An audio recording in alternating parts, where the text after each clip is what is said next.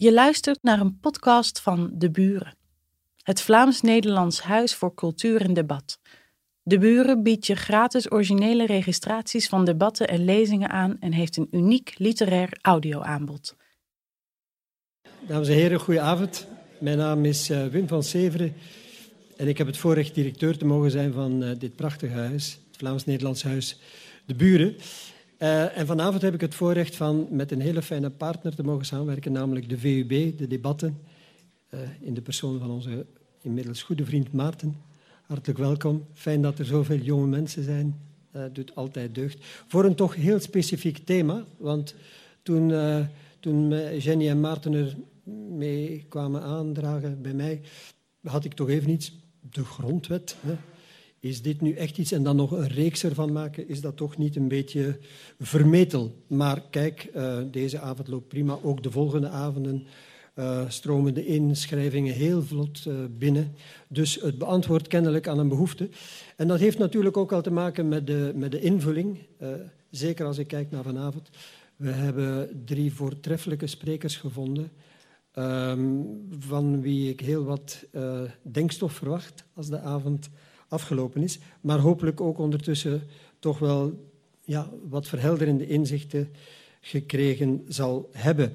Um, het thema de wortels, in, in, de wortels van Europa, prachtig uh, verwoord, met, uh, of verbeeld tenminste, met dat beeld van Sven Tjolle. Een zeer krachtig beeld dat wij bovendien en ook daarom gebruikt hebben als beeld van onze seizoensbrochure dit, deze eerste jaarhelft. Um, ja, het, je voelt, het hangt echt in de tijd. Hè. Voortdurend gaat het over Europa, maar het gaat ook over de waarden, de waarden van Europa. Het gaat over de identiteit van Europa. En voor je het weet gaat het ook over fundamentele dingen als recht. Hè. Rechten, grondwet is dan maar één stapje verder. Dus um, is het eigenlijk wel heel relevant, denk ik, om op dit, dit tijdsgevricht ons daarover te gaan buigen. Het is niet toevallig dat wij starten met Nederland, want dit jaar is het, als ik goed reken, 170 jaar geleden dat de historische Thorbecke in 1848 eh, die uh, Nederlandse grondwet creëerde. Dat was 18 jaar na de Belgische grondwet. En ik ben geen jurist, maar ik heb me toch altijd laten vertellen dat dat een heel belangrijke grondwet was. In die zin dat die veel landen geïnspireerd heeft. Ook Nederland, naar men zegt. Het zou als de legende juist is, zou het zelfs kloppen dat er hele artikels in beide grondwetten overeenstemmen. Uh, maar in elk geval in die tijd moet dat vrij revolutionair geweest zijn. En tot op vandaag heeft dat, denk ik, zijn kracht. In welke mate zullen wij vanavond ook nog wel vernemen in het debat. Um, hartelijk dank dus aan de VUB, de debatten. Uh, een klein jaar geleden heeft uh, de, de rector van de VUB uh, Caroline Pauwels een nieuw initiatief gelanceerd, Connect. Hè. De VUB voor de mensen, en, en, nogal wat van deze mensen weten wat, waar de VUB ligt in Brussel. Maar dat is toch eigenlijk een kilometer of drie, vier van hier, hè, aan, de, aan de rand van het centrum waar wij echt in het hartje van Brussel zitten. En de bedoeling van Connect is eigenlijk om die link te gaan leggen tussen de VUB en het levende hart van Brussel. En het feit dat jullie hier zo talrijk aanwezig zijn, bewijst eigenlijk, denk ik, het succes van dat initiatief. We kunnen dat alleen maar toejuichen. Voor de rest van de avond uh, laat ik graag het woord aan deskundige mensen. In eerste instantie is dat Marco in het veld. Hij is de moderator niet alleen van vanavond, maar van de hele reeks. En hij zal ons fijne panel van vanavond graag aan u voorstellen. Dank u.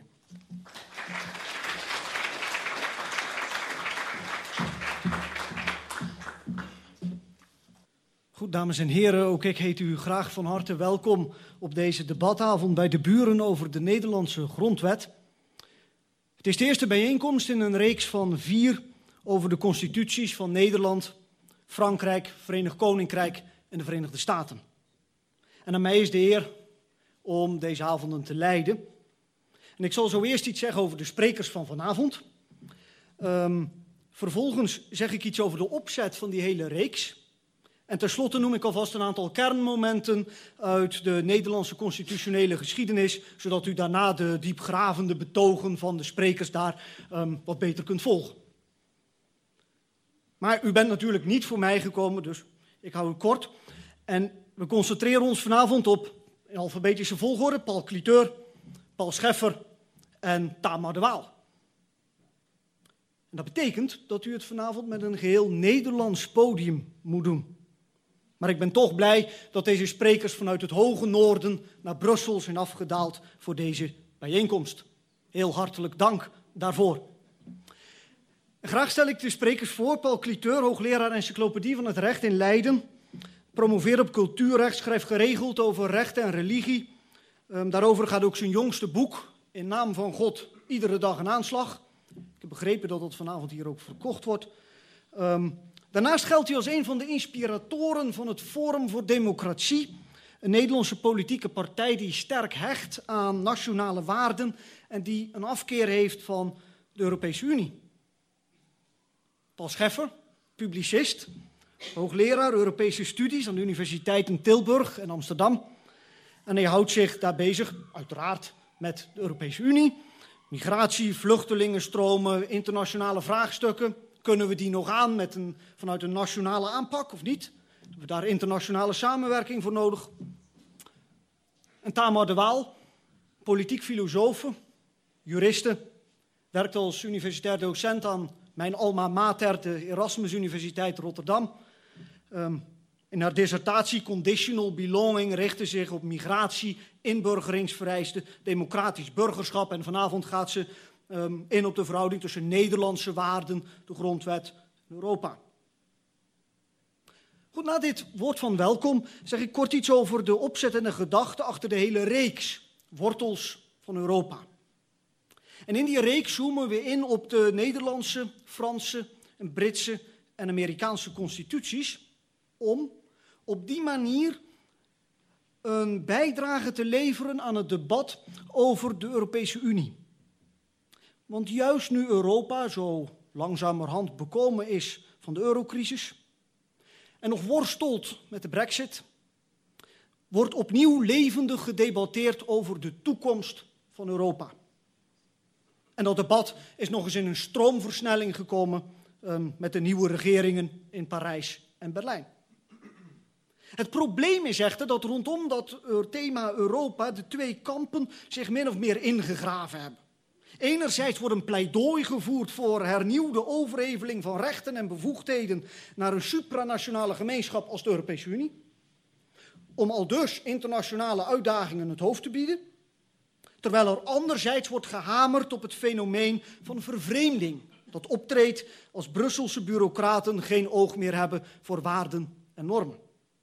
En die waarden en normen worden nogal eens gekoppeld aan de natiestaat. En daarmee komen ook de nationale grondwetten in beeld. Nogal eens wordt de grondwet gezien als een document waar zulke waarden en normen in verankerd zijn. Maar, dames en heren, is dat inderdaad zo? Hoe nationaal zijn onze grondwetten eigenlijk? En wat heeft de Europese Unie aan onze grondwetten te danken? Wat kan zij er eigenlijk van leren? Hebben nationale grondwetten überhaupt nog waarde? In de debatreeks over de wortels van Europa staat dus de verhouding tussen nationale grondwet, die we vrij diepgravend zullen behandelen, en de Europese Unie centraal. En die verhouding die kan juridisch bekeken worden. Een een, als een balans van staatkundige overeenkomsten en verschillen. Die verhouding kan ook bezien worden als een serie uitwerkingen van filosofische ideeën en concepten. En tenslotte kan de verhouding in kaart gebracht worden als een, als een, als een geschiedenis van wederzijdse beïnvloeding. Want, dames en heren, die wortels van Europa gaan ver terug. Om enkele belangrijke momenten en documenten te noemen het plakkaat van verlatingen van de zogenaamde geunieerde Nederlanden van 1581. De Engelse Glorious Revolution, 1689. In de Verenigde Staten ontwortelt de constitutie zich aan een machtsstrijd tussen federalisten en antifederalisten. En een decennium later zou de Amerikaanse constitutie de Franse revolutionairen tot een lichtend voorbeeld strekken. Hieraan danken we de verklaring voor de rechten van de mens en de burger, de eerste Franse constitutie, zijn dan 1789, 1791. En die Franse staatsinrichting is vervolgens weer bepalend voor de manier waarop het Koninkrijk der Nederlanden sinds 1814 is ingericht. Kortom, aan de grondslag van de Europese Unie ligt een constitutionele geschiedenis waarin Nederland, Frankrijk, Verenigd Koninkrijk en de Verenigde Staten verstrengeld zijn. En de debatreeks is een bescheiden poging om die Gordiaanse knoop iets wat te ontwarren. En vanavond beginnen we, dames en heren, met Nederland. En ik marcheer alvast, voor uw begrip, met zeven mijlslazen door de Nederlandse constitutionele geschiedenis. En ik noem kort vijf kernmomenten. Eén. Moment één. Het is nog maar enkele weken geleden dat in Nederland het plakkaat van verlatingen van 1581 tot het pronkstuk van Nederland is verkozen. Hoewel het formeel een document is waarin de zeven provinciën der Nederlanden zich onafhankelijk verklaren van het Habsburgse Rijk en de Spaanse koning Philips II. Het plakkaat volgt op de Unie van Utrecht twee jaar eerder, waarin die zeven provinciën zich tot een confederatie aaneensloten. De hedendaagse affiniteit met deze gebeurtenissen valt waarschijnlijk vooral te verklaren vanuit de twee belangrijkste oorzaken ervan. Het verlangen naar religieuze en economische vrijheid. En deze notie van vrijheid die heeft ook de mentaliteit en de latere constitutionele documenten gestempeld. Qua staatsinrichting is er niet veel aan die, van die succesvolle, maar politiek toch tamelijk onwerkbare confederatie overgebleven. Dan komen we bij moment 2. Voor die invloed op die staatsinrichting is de Franse tijd overheersend geweest. Van die Fransen erven de Nederlanders eigenlijk het idee van centralisatie, bureaucratie. Iets wat we terugzien in de eerste grondwet van het Koninkrijk der Nederlanden van 1814, dat niet zonder reden begint met de titel van de soevereine vorst. De vorst heeft veel macht koloniën, sluiten van verdragen, leger, geldmiddelen. En de Staten-Generaal, de Eerste Tweede Kamer daarvan, die, die zijn tamelijk zwak. Politieke partijvorming moet nog op gang komen. En in 1815, als ook de Belgen bij het Koninkrijk komen, dan volgt het gelijkheidsartikel dat primair beoogt de standenmaatschappij af te schaffen. Moment 3. Het revolutiejaar 1848. Deze grondwet legt de basis voor de huidige parlementaire democratie in de Nederlanden. De Staten-Generaal en vooral de Tweede Kamer daarvan krijgt veel meer macht en wordt bovendien sindsdien rechtstreeks gekozen. Er wordt ministeriële verantwoordelijkheid geïntroduceerd. De koning is onschendbaar, ministers zijn verantwoordelijk. Verder wordt handen en voeten gegeven aan het vrijheidsbegrip. Vrijheden van onderwijs, vereniging, vergadering, meningsuiting en drukpers worden in die grondwet verankerd. En niet langer heeft de koning invloed op besluiten van de kerk. Je zou dus kunnen zeggen dat deze grondwet een liberaal karakter heeft. Wat niet zo vreemd is gezien de invloed van de liberaal Thorbecke op deze grondwet. Vier. Dat is niet één moment, maar eigenlijk een soort vergaarbak van heel veel dingen die ik toch even wilde noemen. Na 1848 wordt het kiesrecht verder, uit, verder verruimd in de loop van de tijd. De vrijheid van onderwijs wordt verder uitgewerkt. Partijdemocratie komt meer en meer op gang. En het duurt tot de tweede helft van de 20e eeuw dat onder invloed van de toenemende diversiteit van de Nederlandse bevolking ook het non-discriminatiebeginsel wordt geherformuleerd en aangescherpt. Ik dacht dat de huidige formulering uit 1983 stamt. En voortdurend wordt er eigenlijk politiek gezocht naar een balans tussen non-discriminatie enerzijds en de vrijheden anderzijds.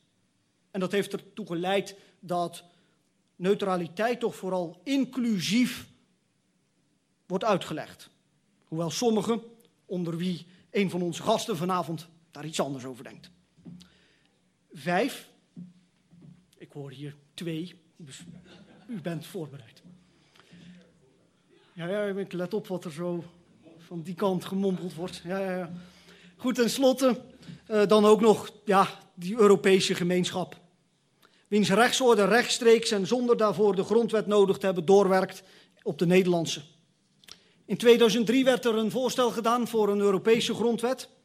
De ontwikkelingen daarvan vielen min of meer samen met een forse uitbreiding van de Europese gemeenschap, een aantal lidstaten. En over deze Europese grondwet werden referenda gehouden: Luxemburg, Spanje, Frankrijk en Nederland. En de laatste twee landen stemden, zoals u allemaal weet, tegen. In Nederland was slechts 38,5% voor. Een heronderhandeling leidde uiteindelijk tot het verdrag van Lissabon, dat de basis vormt van de instellingen van de huidige Europese Unie. Goed, dames en heren, tot zover mijn tamelijk droge, feitelijke en oppervlakkige relaas over de geschiedenis van de Nederlandse Constitutie. Voor de echte vragen achter deze juridische structuren, achter die historische feitjes, verwijs ik graag naar de sprekers van vanavond. Ze zullen ongeveer 10 minuten spreken en daarna gaan ze met elkaar in gesprek en krijgt u ook volop de gelegenheid om vragen te stellen. En ik zie veel studenten in de zaal, dus ik verwacht een hoop kritisch geluid. Ik geef graag het woord, we gaan in alfabetische volgorde, aan Paul Cliteur.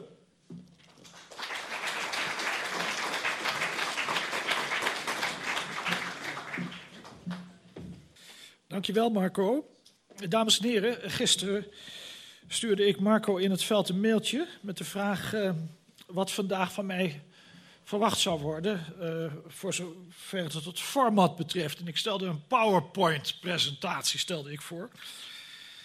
En ik kreeg uh, snel een antwoord en Marco antwoordde als volgt, ik citeer hem nu. Eerlijk gezegd ben ik niet zo'n fan van PowerPoint.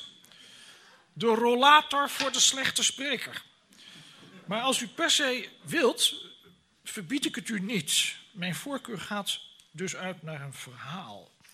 Nou ja, u zult begrijpen, dit was niet bepaald een aanmoediging om met mijn rollator vanavond uh, hier te verschijnen. Uh, ik zal proberen een verhaal te houden, maar ik zal dat binnen die aangegeven 10 minuten houden, Marco. Um, toch wilde ik nog wel een heel klein beetje modern overkomen. Zij het dan niet met een PowerPoint-presentatie. Ik heb erg mijn best gedaan op een tekstje voor de, voor de website van de buren. Daar wil ik u graag naar verwijzen. En um, nou, ik heb er eigenlijk niks aan toe te voegen. Ik zou ook zo weg kunnen gaan, want daar staat alles in. Eigenlijk in dat tekstje. Maar um, uh, nu ik hier toch ben, kan ik daar misschien ook wat toelichting op geven. Dus ik zal een paar dingen uit die, van die website die zal ik naar voren halen en die zal ik proberen wat toe te lichten, want anders is het wel heel erg staccato misschien wat er daar staat. Um, ja, laat, laat, laat, ik beginnen met een, met een citaat van de website. Daar staat dit, en dan citeer ik weer. In een tijd van verwarring en onzekerheid over de eigen identiteit zoeken Europese natiestaten naar een vast anker. Einde citaat. Nou, ik heb daar niks op af te dingen.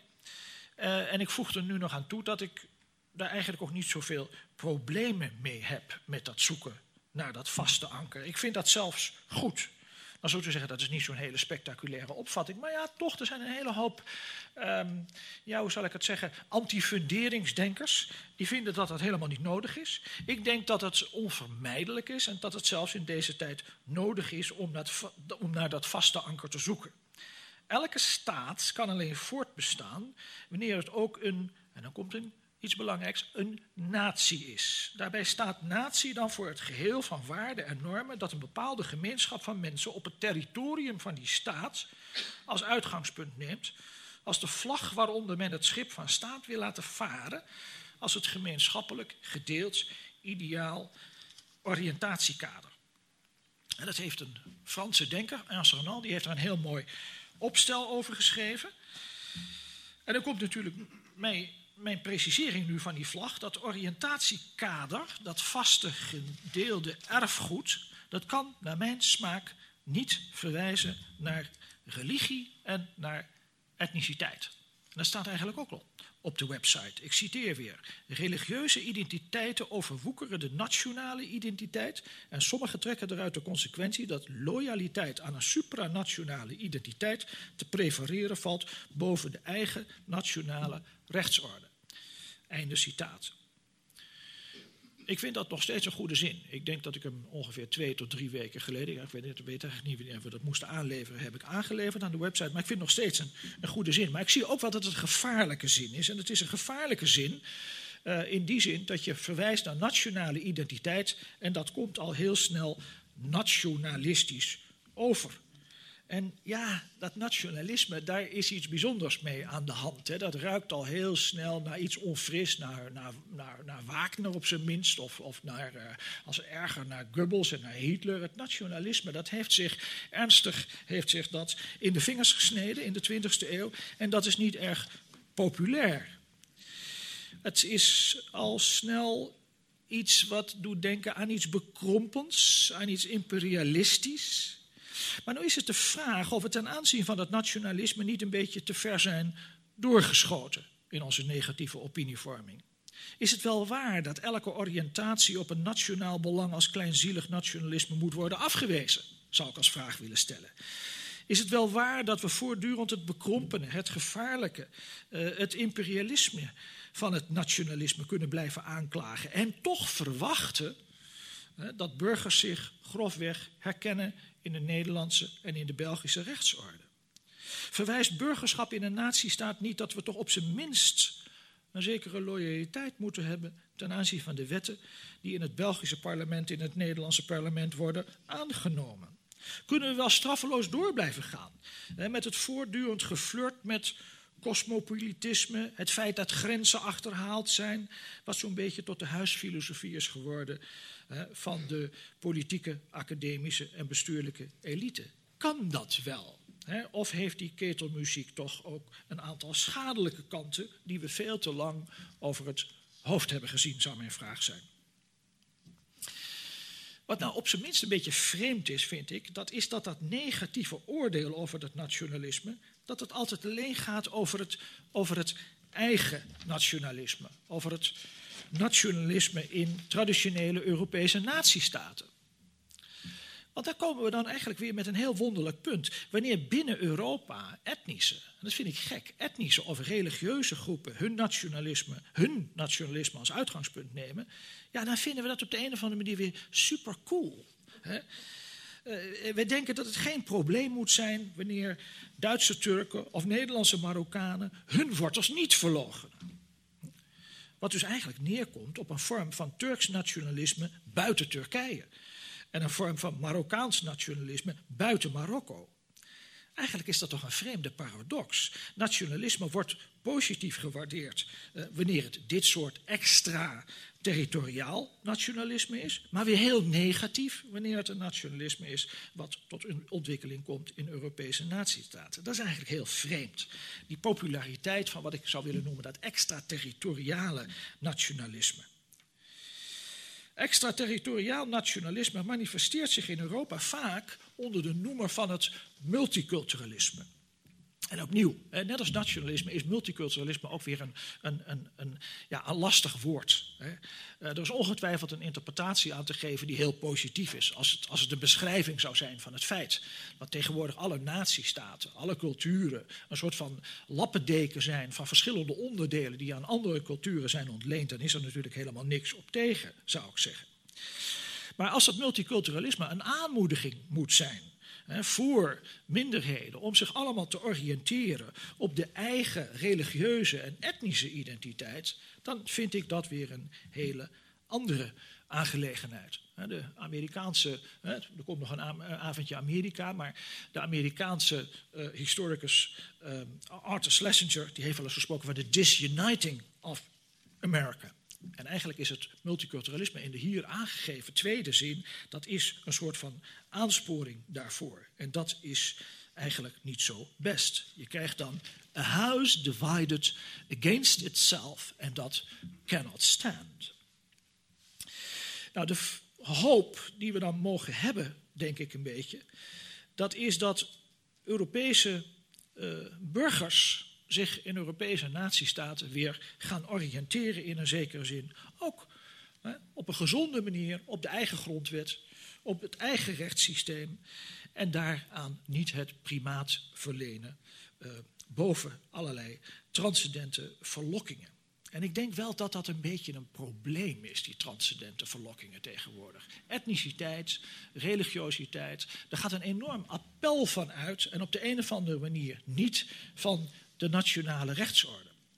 Echt de meest, ehm, ja, de meest krasse expressie daarvan, dat vinden we in het hedendaags terrorisme. Ik heb met uh, Dirk Verhofstadt een uh, boek geschreven. Marco heeft er net al even naar verwezen. Een boek in naam van God, dubbele punt. Elke dag een aanslag. Uh, wat eigenlijk zich probeert te bezinnen op het feit dat we in 2017 hebben we elke dag wel ergens op de wereld hebben we een aanslag gehad uh, van een terroristische signatuur. Als je daarover nadenkt, is er enorm veel. Elke dag wel een aanslag. En vaak gaat het daarbij om aanslagen die religieus zijn gemotiveerd. Wat Verhofstadt en ik nou proberen te doen, dat is te analyseren wat die motieven zijn van die aanslagplegers. En dat is heel vaak is dat een motief waarvan die aanslagplegers zelf aangeven dat het religieus gemotiveerd is. Tegelijkertijd zien we dat terrorisme-deskundigen ehm, dat die gepreoccupeerd zijn met alle mogelijke denkbare oorzaken van dat terrorisme. Marginalisering op de arbeidsmarkt, sociaal-economische factoren, armoede, uh, noem het maar op. Maar niet op datgene wat die terroristen zelf zeggen dat hun primaire motieven zijn om die aanslagen te plegen. Dat is eigenlijk heel gek. En ik denk dat die motieven inderdaad vaak wel, zij het dan misschien van een hele perverse soort van religiositeit, maar ze zijn wel religieus gemotiveerd. En dat zou ons te denken moeten geven, vind ik, ook in nazistaten, dat we er kennelijk niet in geslaagd zijn de afgelopen 10, 15, 20 jaar om op Europese staatsburgers een gevoel te geven dat ze geworteld zijn in nationale gemeenschappen. En ik denk dat het een belangrijke taak is. Ik denk ook dat het een belangrijke taak is van het constitutionele recht. Ik denk dat er daar nog heel wat te doen valt. Het is nog steeds zo dat de wereld waarin we nu leven, dat die is opgedeeld, dat is het bestuurlijk dominante model, in ongeveer 200 natiestaten. En die 200 natiestaten die hebben een eigen jurisdictie, die hebben een eigen burgerlijk wetboek, en die hebben een eigen wetboek van strafrecht, en die hebben ook een eigen grondwet. En in die grondwetten staan een aantal centrale uitgangspunten. En het is van belang, denk ik, dat ook die burgers die leven in die natiestaten op de een of andere manier een warme relatie ontwikkelen, voor zover ze nog die, die niet hebben, met die waarden die in die grondwetten staan aangegeven.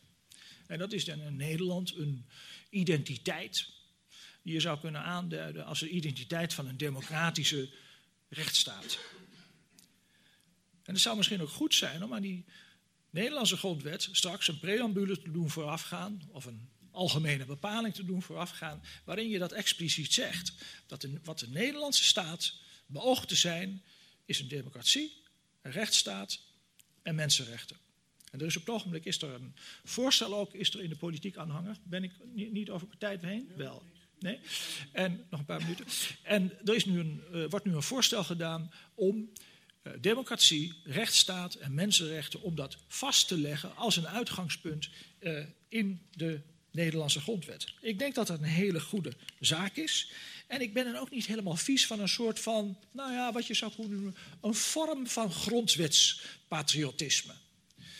Um, je kan dat nationalistisch noemen. Goed, dat zij dan zo.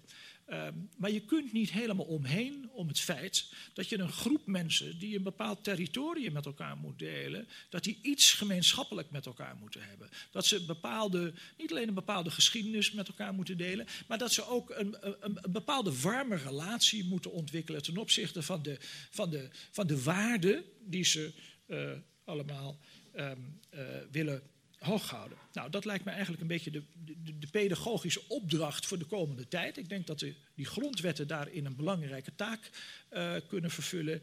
En als we dat voor elkaar krijgen, nou, dan zijn we een, een, een, een, een, stap dichter, denk ik, bij een, uh, bij een gezonde samenleving, zonder verdeeldheid en zonder religieus georiënteerd um, terrorisme. Dank u wel voor uw aandacht.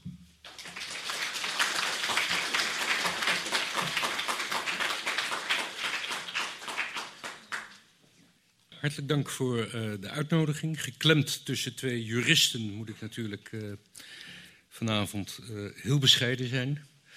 Ehm, ik dacht, ik ga de Nederlandse grondwet eens bestuderen. Ik had hem wel eens gelezen, maar ehm, ik moet zeggen, ehm, ik heb wel eens betere grondwetten gelezen. maar het is toch de moeite om je erin te verdiepen. Sterker nog, ik kan me herinneren dat ik nu alweer twaalf jaar geleden, geloof ik, met Rita Verdonk, toenmalige minister van Integratie en Immigratie, eh, op stap was, zo af en toe. En dan stak ze af en toe een ruim bemeten vinger in de zaal, gericht op allerlei eh, migranten of kinderen van migranten, en zei ze: Jullie moeten de grondwet kennen. En dan was er altijd natuurlijk één of twee, of hopelijk meer uh, jongeren die dan opstonden en zeiden: Maar kennen jullie die grondwet zelf eigenlijk wel? En dan was het antwoord natuurlijk een grote verlegenheid, want je kunt van uh, Nederlanders veel zeggen, maar niet dat ze die grondwet uh, intensief bestuderen of dat het een levend document is. En dan kan je twee dingen doen. Je kunt zeggen, we gaan mensen die een lange reis achter de rug hebben en moe zijn, gaan we niet lastigvallen met een document dat we zelf ook niet kennen. Of je kunt denken, ja, in het stellen van die vraag wordt een tekort zichtbaar. Dat zou mijn benadering zijn. Wordt een tekort zichtbaar, namelijk waarom denken we dat als onderdeel van burgerschap het belangrijk is om de rechtscultuur van een samenleving te doordenken. En ik gebruik misschien iets andere woorden, maar je zegt misschien hetzelfde wat Paul Clituur net zojuist betoogde. Maar om die rechtscultuur te begrijpen, ook in zijn historische, uh, in zijn historische wording, en dan betekent het natuurlijk dat dat niet alleen een opdracht is aan nieuwkomers, maar dat de mensen die er al waren, de gevestigden, zich daar ook over zouden moeten willen buigen. En vooral die grondwettelijke geschiedenis als een leerschool waarin je ziet hoe de vrijheden met vallen en opstaan uh, geformuleerd zijn.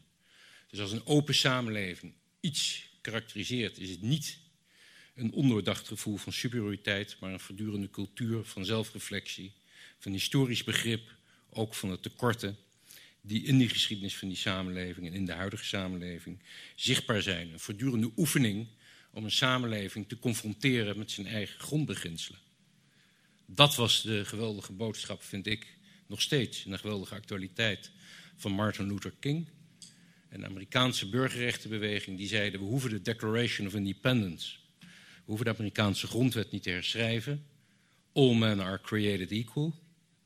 Maar we moeten de samenleving, zoals die zich aan ons voordoet, voortdurend willen confronteren aan dat uitgangspunt dat een universele strekking beoogt te hebben. Dus die oefening tot zelfkritiek, die je in die geschiedenis van de grondwet uh, kunt aflezen. Die oefening ook van wederkerigheid, namelijk je kunt niet een vraag stellen aan anderen als je die vraag niet ook aan jezelf stelt. Je kunt anderen niet tot iets verplichten of uitnodigen als je jezelf daar niet toe uitnodigt. Daarmee begint het wel. Ik lees uh, graag de Library of America. Ik kan u dat aanraden. Een geweldige verzameling uh, boeken waarin de beste Amerikaanse literatuur, maar ook non-fictie bijeen is gebracht. Ik geloof nu uh, meer dan 200 delen inmiddels. En één van die delen, het zijn er eigenlijk twee, Debate on the Constitution. Een geweldig boek waarin je het debat in Amerika over de totstandkoming van de grondwet terugleest. Alle argumenten die toen zijn gewisseld. En ik zit al, moet ik zeggen, een jaar of tien, maar zoals er veel plannen zijn, zit er ook één die dan komt en ook weer gaat. Maar het plan is toch wel zeker om nog eens een keer, en daar heb ik ook met uitgevers over gesproken, om een bibliotheek van Nederland te maken.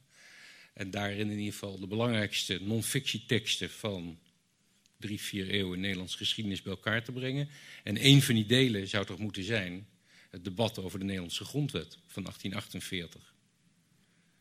En misschien dat in dat debat die tekst veel meer tot leven komt dan als je de tekst zelf alleen maar neemt, los van de context waarin die tot stand is gekomen. Want daar gaat het over hele grote kwesties. En um, op die manier bezien zou die grondwet een veel meer een levende referentie kunnen zijn.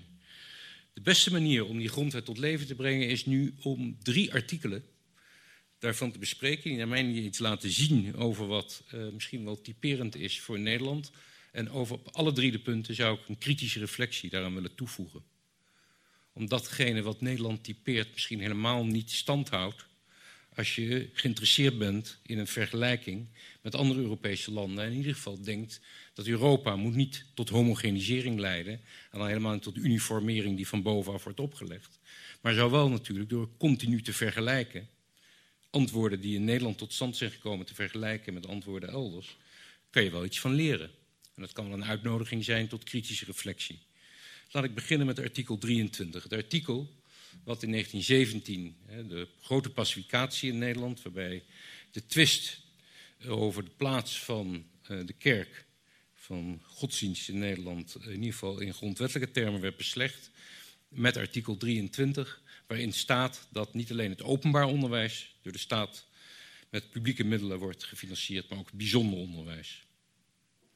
Dat heeft enorm veel bijgedragen aan het temmen wat in principe tot veel heftiger conflict zou kunnen leiden in Nederland, namelijk de religieuze diversiteit, de botsing met seculariteit. Dat zijn specifieke oplossingen die is gekozen. De vraag is natuurlijk, wat is de relevantie van die oplossing een eeuw later?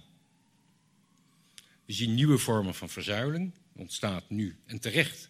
Met een beroep op artikel 23 zijn er ook scholen met een moslimachtergrond nu. En zolang dat artikel is, uh, een belangrijk element van de grondwet is, valt daar ook helemaal niets op af te dingen.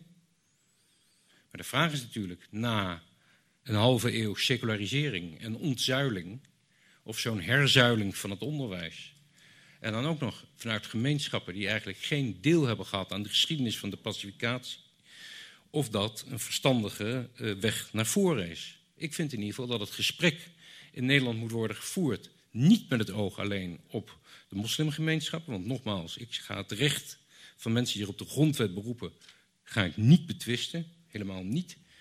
Maar het algemene debat wat gevoerd kan worden na een halve eeuw secularisering in Nederland, zou kunnen zijn van wat verwachten wij eigenlijk van het onderwijs? Vinden we dat het onderwijs in het verlengde moet liggen van de specifieke oriëntatie die kinderen al in hun opvoeding meekrijgen? Of willen we eigenlijk een onderwijs, juist in een tijd waarin er al zoveel verbrokkeling is, een onderwijs waarin iedereen een aantal dingen meekrijgt, ook godsdienst, maar dan ook iedereen. Want ik zie ook de eenzijdigheid van mensen die opgroeien, zoals ik zelf, in een gezicht, gezin wat heel ver van God was afgeraakt, helemaal niets ervan wilde weten. Ik ben mij gaan interesseren voor godsdienst. Mij maakt het helemaal niet uit of iemand gelooft of niet gelooft. Het gaat erom, hoe ga je om met je geloof of je ongeloof? Leer je daarmee in een democratie om te gaan in de zin van dat je je eigen waarheidsmonopolie leert relativeren. In een pluralistische samenleving is dat de opvoedingsopdracht die wij in het onderwijs willen realiseren. En dan kun je afvragen, is een verzuiling van het onderwijs? Voor een deel is het christelijk onderwijs natuurlijk heel erg ontzeld geraakt in die halve eeuw. scholen zijn nog wel bestuurlijk eh, bijzonder onderwijs, maar in de praktijk betekent dat heel weinig meer. Maar hoe kijken we daar is een open uitnodiging tot een gesprek om na te denken. Zijn de oplossingen van een eeuw geleden nog steeds de oplossingen die ons naar voren wijzen? Maar dan altijd uitgaande van het idee van gelijke behandeling. Wat nu gebeurt in Nederland is dat eigenlijk men artikel 23 niet ter discussie durft te stellen, maar in de praktijk probeert op allerlei manieren uh, islamitische scholen en met name van middelbaar onderwijs om dat tegen te gaan. Ik vind dat de slechtste oplossing die je kunt kiezen. Artikel 90 dan, ook al zo'n specifiek artikel uh, van recenter datum, uh, 1983, waarin staat dat Nederland uh, zich grondwettelijk verplicht tot het bevorderen van de internationale rechtsordening.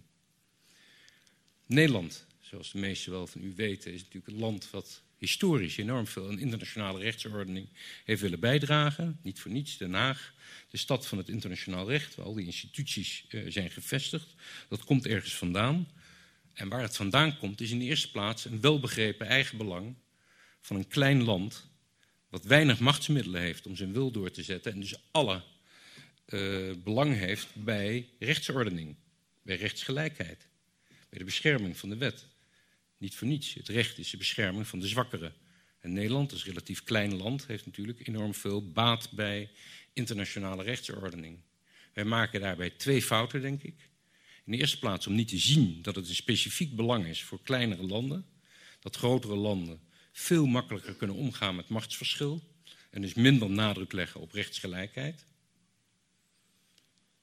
En de vraag is natuurlijk, hoe kijken we daarnaar? Zeker ook in een Europese context. Daar kan ik een lang verhaal over vertellen. Maar de illusies in Nederland die laten zich niet beter samenvatten dan met een zin van Thorbecke. Ik heb het toch nog even uh, opgezocht, 1830. De Nederlandse staatkunde, schreef hij, zelf vrij van heerszucht, is de billijkste oordelaarster over de heerszucht van anderen. Ik hoop dat u de ironie eh, goed begrijpt, want in 1830, ongeveer het hoogtepunt van de koloniale expansie, de Nederlandse staatkunde zelf vrij van heerszucht, nou, daar konden er echt wel wat van. Maar dat beeld van Nederland, waarbij uit eigen belang internationale rechtsordening betekenisvol is, waar we eigenlijk helemaal niet goed doordenken wat de plek is van het eigen belang in de grotere wereld die ons omringt. En die hele illusie dat wij eigenlijk deugdzamer zijn, nee, het is een specifiek belang. En wij hebben dat belang, een relatieve onmacht, gestileerd tot deugdzaamheid, tot de morele verhevenheid. Maar het is heel goed om erover na te denken over waarom er zo wordt gestreden en landen verschillend oordelen over de betekenis van het internationale recht. En niet te snel te denken dat het Nederlandse gezichtspunt, verankerd in onze grondwet, maar de vraag is natuurlijk, wat doen we ermee? En dat is mijn tweede bedenking bij dit artikel. Want wat staat hier eigenlijk? Nou, we hebben het in Srebrenica gezien. Ik heb destijds er zeer kritisch over geschreven. Toen die troepen werden uitgestuurd. Ik heb toen een stuk geschreven onder de kop rechtsordening tegen nultarief. Of rechtsgevoel tegen nultarief. Want je voelde, hier wordt dan een land zendt troepen uit om de internationale rechtsordening elders uh, te bevorderen. Maar realiseert zich helemaal niet dat je daarmee eigenlijk een keuze maakt voor oorlogvoering. Namelijk vredeshandhaving. Ja, wat doe je als de vrede dan niet wordt gehandhaafd? Ben je dan bereid om, wat hier in artikel 90 is neergelegd, de internationale rechtsordning, wat ben je eigenlijk, welke prijs ben je bereid om die daarvoor te betalen? Als het dan echt moeilijk wordt. Als je dan echt wordt uitgedaagd, zoals door de Serviërs, om de moslimbevolking van Srebrenica te verdedigen, wat gebeurt er dan? Nou, toen gebeurde er niets. En toen is dus inderdaad Nederland stond erbij terwijl 7000 mannen en jongens zijn uh, vermoord. Dus het is makkelijk opgeschreven, deze algemene bekentenis. De vraag is, wat doen we ermee? Laatste, kort, artikel 131. wil ik ook een kritische reflectie over. Dat is een heel erg Nederlands artikel. Waarin namelijk staat dat burgemeesters worden benoemd. Door bij koninklijk besluit. Ik denk dat dat artikel al vanaf 1848 uh, in de grondwet staat. En dat is natuurlijk wel fascinerend om te zien dat Nederland ongeveer het enige land in Europa is waar burgemeesters niet worden gekozen. Je kunt zeggen dat historisch kan je dat nog allemaal wel een plek geven, maar de interessante vraag die hier eigenlijk aan de orde is, is dat met de verzwakking van politieke partijen, die niet alleen steeds minder leden hebben, maar zeker de klassieke politieke partijen hebben ook steeds minder kiezers. De binding van mensen aan partijen is veel kleiner geworden. En dat vraagt natuurlijk om nieuwe vormen van democratie. En die Nederlandse grondwet verankert nog steeds eigenlijk een vorm van paternalisme. Namelijk dat burgers niet in staat worden geacht op een goede manier te bepalen wie de burgemeester van een stad wordt. Stel je voor dat er kandidaten, charismatische kandidaten, zouden opstaan die niet tot een van de gevestigde partijen, die sinds jaar en dag die burgemeestersposten onder elkaar verdelen, dat die daar niet toe behoort, en misschien wel die verkiezingen wint. Dat is wel een gruwel. En nog steeds is het onmogelijk in Nederland om daar veranderingen te brengen. Nog steeds wordt dat geblokkeerd. Ik zou zeggen, eh, als er nou één aspect is in die Nederlandse grondwet wat mij echt zeer achterhaald voorkomt, is het wel deze vorm van gedelegeerde democratie, nou gedelegeerd, zeg maar gerust eigenlijk een inperking van democratische rechten, waar het toch over zoiets belangrijks gaat. We hebben aanstaande woensdag lokale verkiezingen in Nederland. Ik zou graag mijn eigen burgemeester uh, willen kunnen kiezen in de stad waar ik woon, Amsterdam. Dus hier hebben we drie artikelen. Financiering, publieke financiering van een bijzonder onderwijs. De principiële keuze in Nederland om in de grondwet te verankeren dat wij onszelf verplichten om de internationale rechtsordning te bevorderen. En een artikel waarin wordt vastgelegd dat de burgemeester door de kroon wordt benoemd. drie artikelen waarvan ik zomaar zou zeggen, ja, die kan ik allemaal relateren aan de geschiedenis van Nederland. En die zou ik alle drie op een zeer kritische manier willen benaderen. Ik besluit met een opmerking over uh, grondwetsvorming in Europa. Ik denk dat het moment is genaderd om die vraag opnieuw te stellen. Ik zie het trauma, want 2005 uh, werd natuurlijk helemaal niet gelukt. Was ook geen echte grondwet, was een grondwettelijk verdrag. Kijk, een soort van rare mengvorm tussen een grondwet en een verdrag. Maar op zichzelf, de vraag, wat is de toekomstige politieke vorm van Europa? Die moet wel worden gesteld. Want de sluipende constitutievorming die nu plaatsvindt, telkens worden er nieuwe instituties gecreëerd, bankenunie, enfin, u, kunt, u kunt het zelf allemaal volgen, nu een veiligheidsgemeenschap enzovoort, is heel erg slecht. Want wat er feitelijk gebeurt is, er worden onderdelen van een constitutie worden opgetuigd, zonder een echt constitutioneel debat. Uit angst dat als je dat debat werkelijk zou voeren, dat ruime meerderheden van de burgers daartegen zouden zijn. Maar het moment komt eraan dat we of aldoor maar uitwijken voor wat dan gezien wordt als het risico. Maar ik denk hier nemen we een klein risico wat uiteindelijk tot een heel groot risico gaat leiden, namelijk het voortdurend vermijden van het gesprek over de toekomstige constitutie van Europa. Ik zie een constitutie in Europa vormen die gebaseerd is op de nationale staten, die die positie van die nationale staten in Europa ook verankert. Ik ben ervan overtuigd dat de finaliteit van Europa niet het creëren van een Europese natiestaat is, maar dat Europa het samenwerkingsverband is van staten, juist die het mogelijk maakt om die nationale staten in een tijd van globalisering als functionerende rechtsstaten, als functionerende verzorgingsstaten, als functionerende rijkswaterstaten enzovoorts, om dat voorbestaan van die staten te garanderen. Ik dank u voor uw aandacht.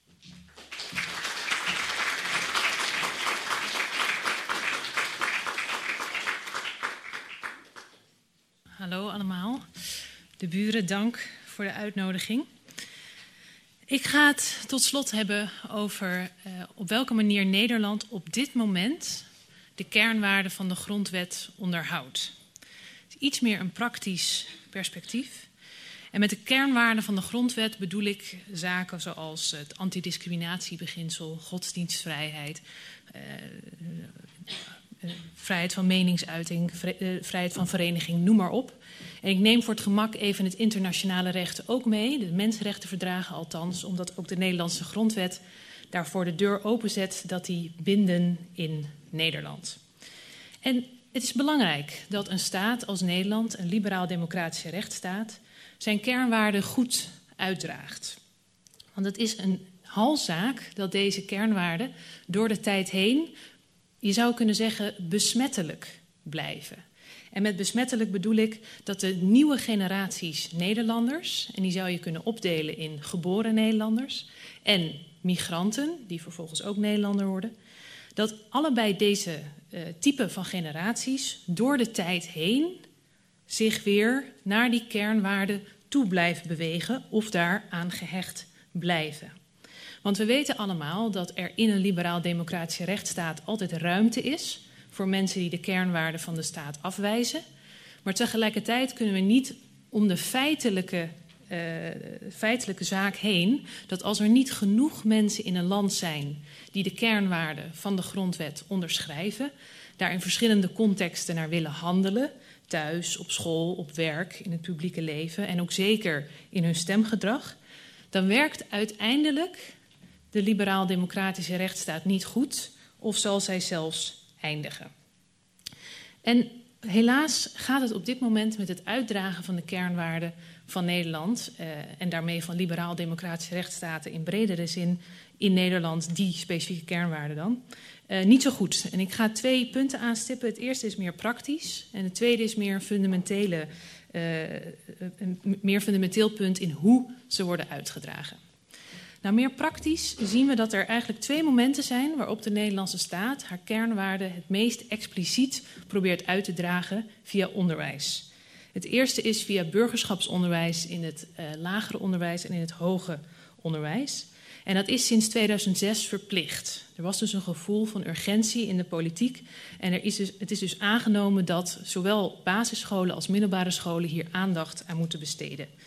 Nou, in 2017 is hier een onderzoek naar geweest, naar de kwaliteit van dit onderwijs. En dat is ondermaats.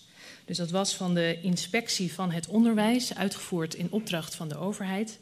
Uh, scholen weten niet echt wat ze, mensen, wat ze hun leerlingen moeten bijdragen. Achteraf is onduidelijk wat ze hebben meegenomen. En ook de lijn van het onderwijs is de, uh, een beetje mysterieus. Dus het was een heel kritisch rapport en het bleek tegelijkertijd dat internationaal gezien Nederlandse scholieren het minst goed weten hoe een liberaal-democratische rechtsstaat werkt van westerse democratieën. Dus vaak zeggen leerlingen bijvoorbeeld als aan hen gevraagd wordt wat is democratie, dan zeggen zij vrijheid. En dat is eigenlijk het enige wat ze erover kunnen zeggen. Dus er ligt nog een duidelijke opdracht aan uh, voor de Nederlandse overheid om dit burgerschapsonderwijs beter vorm te geven. Het tweede punt is het inburgeringsbeleid voor nieuwkomers. Inburgeren is ook een woord dat in België wordt gebruikt. Maar in Nederland is dat een uh, reeks aan verplichtingen waar nieuwkomers aan moeten voldoen om hun permanente verblijf te verkrijgen. Nou, hier heb ik in mijn uh, proefschriftperiode onderzoek naar gedaan, een dissertatie over geschreven. En ook dit onderwijs is vrij slecht van kwaliteit in Nederland. Um, uh, het is, om het heel kort samen te vatten, uh, volledig op de schouders van de nieuwkomer gekomen. De, eigen, de zelfredzaamheid, dat is het woord, is heel erg opgeschroefd. Men moet bij private scholen hun inburgeringsonderwijs inkopen. En de slagingspercentages zijn dan ook vrij laag. Onder vluchtelingen 30 procent, onder familiemigranten 50 procent.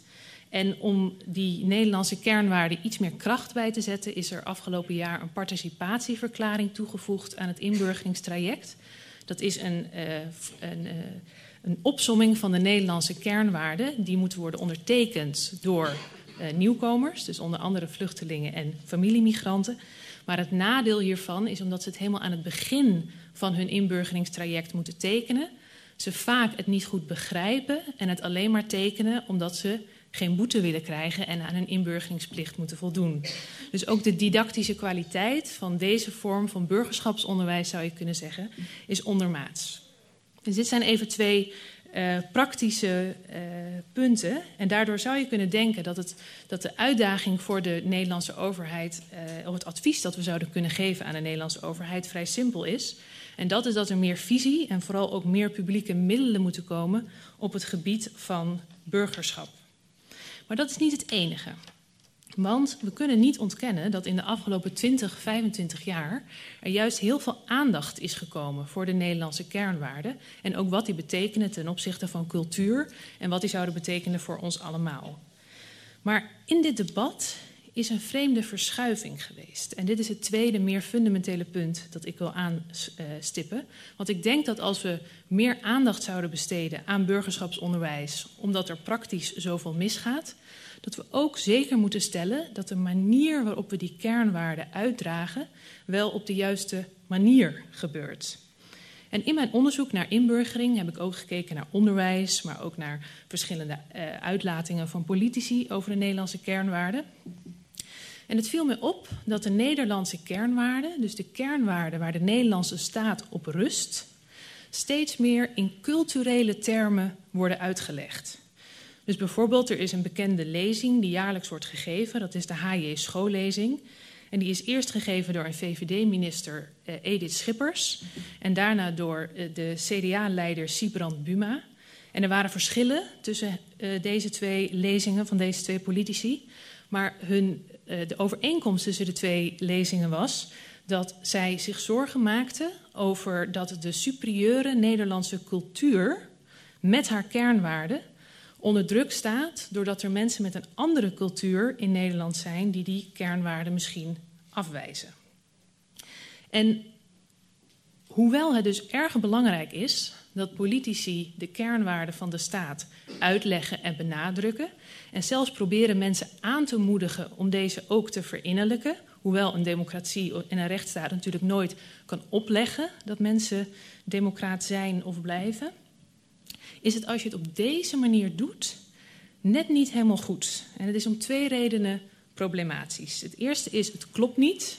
Het is gewoon als je er wat langer over nadenkt en de feiten op een rij zet, dan klopt het niet. En het tweede is het werkt niet. En ik zal ze even allebei behandelen.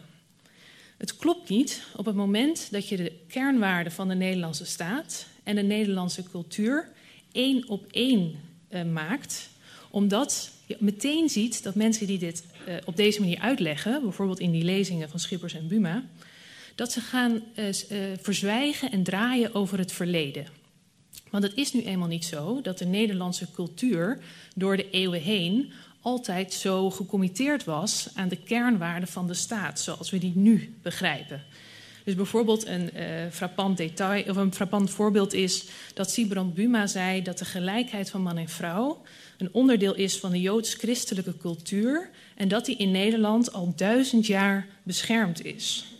Nou ja, dan merk je al meteen dat het gelijkstellen van de Nederlandse cultuur en de kernwaarden van de Nederlandse staat onzorgvuldig onprecies is. En ook die term joods-christelijk, die horen we ook steeds vaker, dat is op zichzelf eigenlijk een godspe. Ten eerste hebben Joden altijd in het verleden heel erg geleden onder het antisemitisme van christenen. Dat is nu natuurlijk in, uh, in, Nederland heel anders, maar dat is in het verleden een heel een, een groot probleem geweest. En ook, ik zou het bijna niet beter kunnen uitdrukken dan de Joods-Nederlandse schrijver Robert Vuistje zei dat elke keer als hij joods-christelijk en de joods-christelijke cultuur hoort, dat hij zich dan afvraagt of hij soms een time-out had tussen 40 en 45. Dus je ziet dat er moet worden gedraaid met het verleden en moet worden verzwegen op het moment dat je de cultuur van Nederland en de kernwaarden van Nederland één op één stelt. Het tweede is uh, dat het ook niet zo is dat op dit moment alle culturele Nederlanders altijd die kernwaarden van de staat onderschrijven. Toevallig zag ik van de week op mijn Facebook een post van de groep Cultuur onder vuur. En dit is een groep die zich normaal inzet tegen nieuwe moskeeën in Nijmegen, maar nu een demonstratie organiseert tegen de posters van de Soet Supply met erop de zoenende mannen. Dus je ziet dat er ook onder de uh, culturele Nederlanders, en daarmee wordt dan vaak bedoeld uh, Nederlanders zonder migratieachtergrond of zonder recente migratieachtergrond, die zijn natuurlijk ook niet altijd eens met die kernwaarden. Dus er zit ook al daar een. Er klopt iets niet tussen het gelijkstellen van de cultuur en uh, de kernwaarden van de staat. Nou, hetzelfde geldt natuurlijk voor de nieuwkomers. Uh, bijvoorbeeld die participatieverklaring die ik net noemde, die werd ingevoerd door minister Ascher. Die opgelucht was toen die uh, werd ingevoerd, want die zei. Voor ons zijn de spelregels van Nederland duidelijk, maar voor nieuwkomers uh, is dat niet zo. En dat is natuurlijk zo'n grofmazige uitspraak dat die ook niet waar is. Dus aan de ene kant zijn er Nederlanders zonder migratieachtergrond die de kernwaarden niet onderschrijven. En aan de andere kant is het natuurlijk ook niet waar dat niemand van de nieuwkomers die, die binnenkomen individuele vrijheden en gelijkheid niet waardeert. En tot slot, en dit is het punt dat Paul Scheffer aan het begin van zijn verhaal ook maakte. Op het moment dat je kijkt naar wat de rol van de kernwaarden van Nederland, dus de grondwet en internationaal recht, ook nu nog is op onze cultuur, dan is dat niet dat die cultuur al af is en dat die mensenrechten daar al helemaal in zitten, maar dat is een constante dynamiek van publiek debat, maar ook internationale hoven, onze eigen eh, ombudsmannen, um, uh, actiegroepen die allemaal een beroep doen op die mensenrechten en ook steeds weer leiden tot nieuwe interpretaties van wat individuele vrijheden en gelijkheid eigenlijk precies betekenen. En dat is dus de emanciperende kracht van die mensenrechten ook steeds weer op onze cultuur. Dus de cultuur is nooit af. En dit heeft de Amerikaanse filosoof Martha Nussbaum mooi omschreven. Maar als het op mensenrechten aankomt, blijft ieder land altijd een ontwikkelingsland. Het is een constante ontwikkeling en een leerproces dat voortkomt uit debat en het heroriënteren op diezelfde waarden. Dus dat is het kopje waarom het niet klopt om de cultuur gelijk te stellen aan uh, de kernwaarden van de staat. Maar het tweede is, het werkt ook niet. En ten eerste werkt het niet omdat op het moment dat je structureel een liberaal-democratische rechtsstaat wil uh, in stand wil houden en besmettelijk wil houden voor iedereen, dan is het geen goed verhaal als er mensen zijn met een cultureel andere achtergrond. Dus misschien omdat ze net als migrant zijn binnengekomen, misschien omdat hun ouders uit een land komen met een andere cultuur. En dat het verhaal van de overheid dan is, dus bijvoorbeeld van uh, Schippers en Buma, welkom in Nederland of dit is cultureel Nederland. Wij zijn eigenlijk al af. Wij hebben de mensenrechten al helemaal onder de duim, want dat is onze cultuur. Uw cultuur heeft dat in principe niet. Dus dat betekent dat de oplossing voor het democratische project is dat u uw cultuur loslaat, onze cultuur opneemt en dan komen we er misschien wel uit met de democratische politieke toekomst samen. Nou, ten eerste is het dus niet nodig voor een democratie dat mensen hun cultuur opgeven, want mensen kunnen vanuit hun eigen cultuur die kernwaarden steunen. Maar ten tweede is het natuurlijk ook geen heel aantrekkelijk en uitnodigend verhaal. Dat je je eigen achtergrond en die van je familie uh, en je eigen oriëntatie zou moeten loslaten om toegang te hebben tot die kernwaarden. Het, is natuurlijk veel uitnodigender dat je zegt: we hebben een set aan waarden die, die rusten ten dele op internationaal recht. Daarvan zeggen wij dat het universele waarden zijn. En u kunt dat ook vanuit uw achtergrond steunen, net als dat wij dat vanuit onze achtergrond doen. Het tweede punt waarom het niet werkt, is dat op het moment dat je zegt dat de Nederlandse cultuur helemaal uh, gelijk valt met de kernwaarden van de staat, en dat dus eigenlijk de Nederlandse cultuur al af is in dit opzicht, je te weinig aandacht hebt voor eventuele radicalisatie van mensen zonder uh, migratieachtergrond, dus de culturele Nederlanders. Ik noemde net al het voorbeeld van cultuur onder vuur. Het is opvallend dat in hun lezingen, bijvoorbeeld uh, van nogmaals Buma en Schippers, maar dus ook in het onderwijs en in het inburgeringsbeleid, er zo weinig aandacht wordt besteed aan dat die radicalisering ten opzichte van de kernwaarden kan voorkomen onder verschillende groepen. Maar dat is ook wel weer logisch als het hele debat zo cultuurafhankelijk is gemaakt. Want niemand zal betwijfelen dat de jongens die demonstre demonstreren voor cultuur onder vuur cultureel Nederlands zijn. Maar als de kernwaarden dan ook cultureel Nederlands zijn, dan kunnen we hen eigenlijk niet meer goed aanspreken op hun vorm van radicalisering. Nou, hoe moet het dan wel? Nou, dat stipte ik in het begin ook al even aan. Ook naar voren gekomen in de vorige twee praatjes. En dat is dat we toch moeten gaan nadenken aan een vorm van uh, het uitdragen van onze kernwaarden. Uh, Paul Cliteur noemde het net grondwetpatriotisme. Uh, Jurgen Habermas is een Duitse filosoof die noemt het constitutioneel patriotisme. Nou, dat komt allemaal een beetje op hetzelfde neer. En dat is inderdaad een vorm waarin we over die waarden spreken, dan wel op uh, het, het, niveau van Nederland, maar deels ook op het niveau van Europa, als waarden die in principe culturen overstijgen.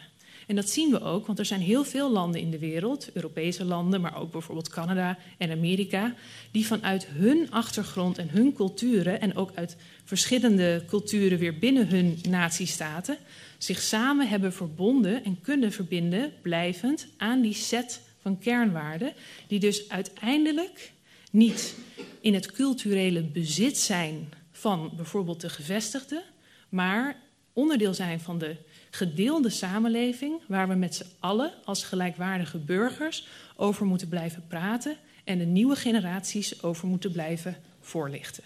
Ik dank u wel.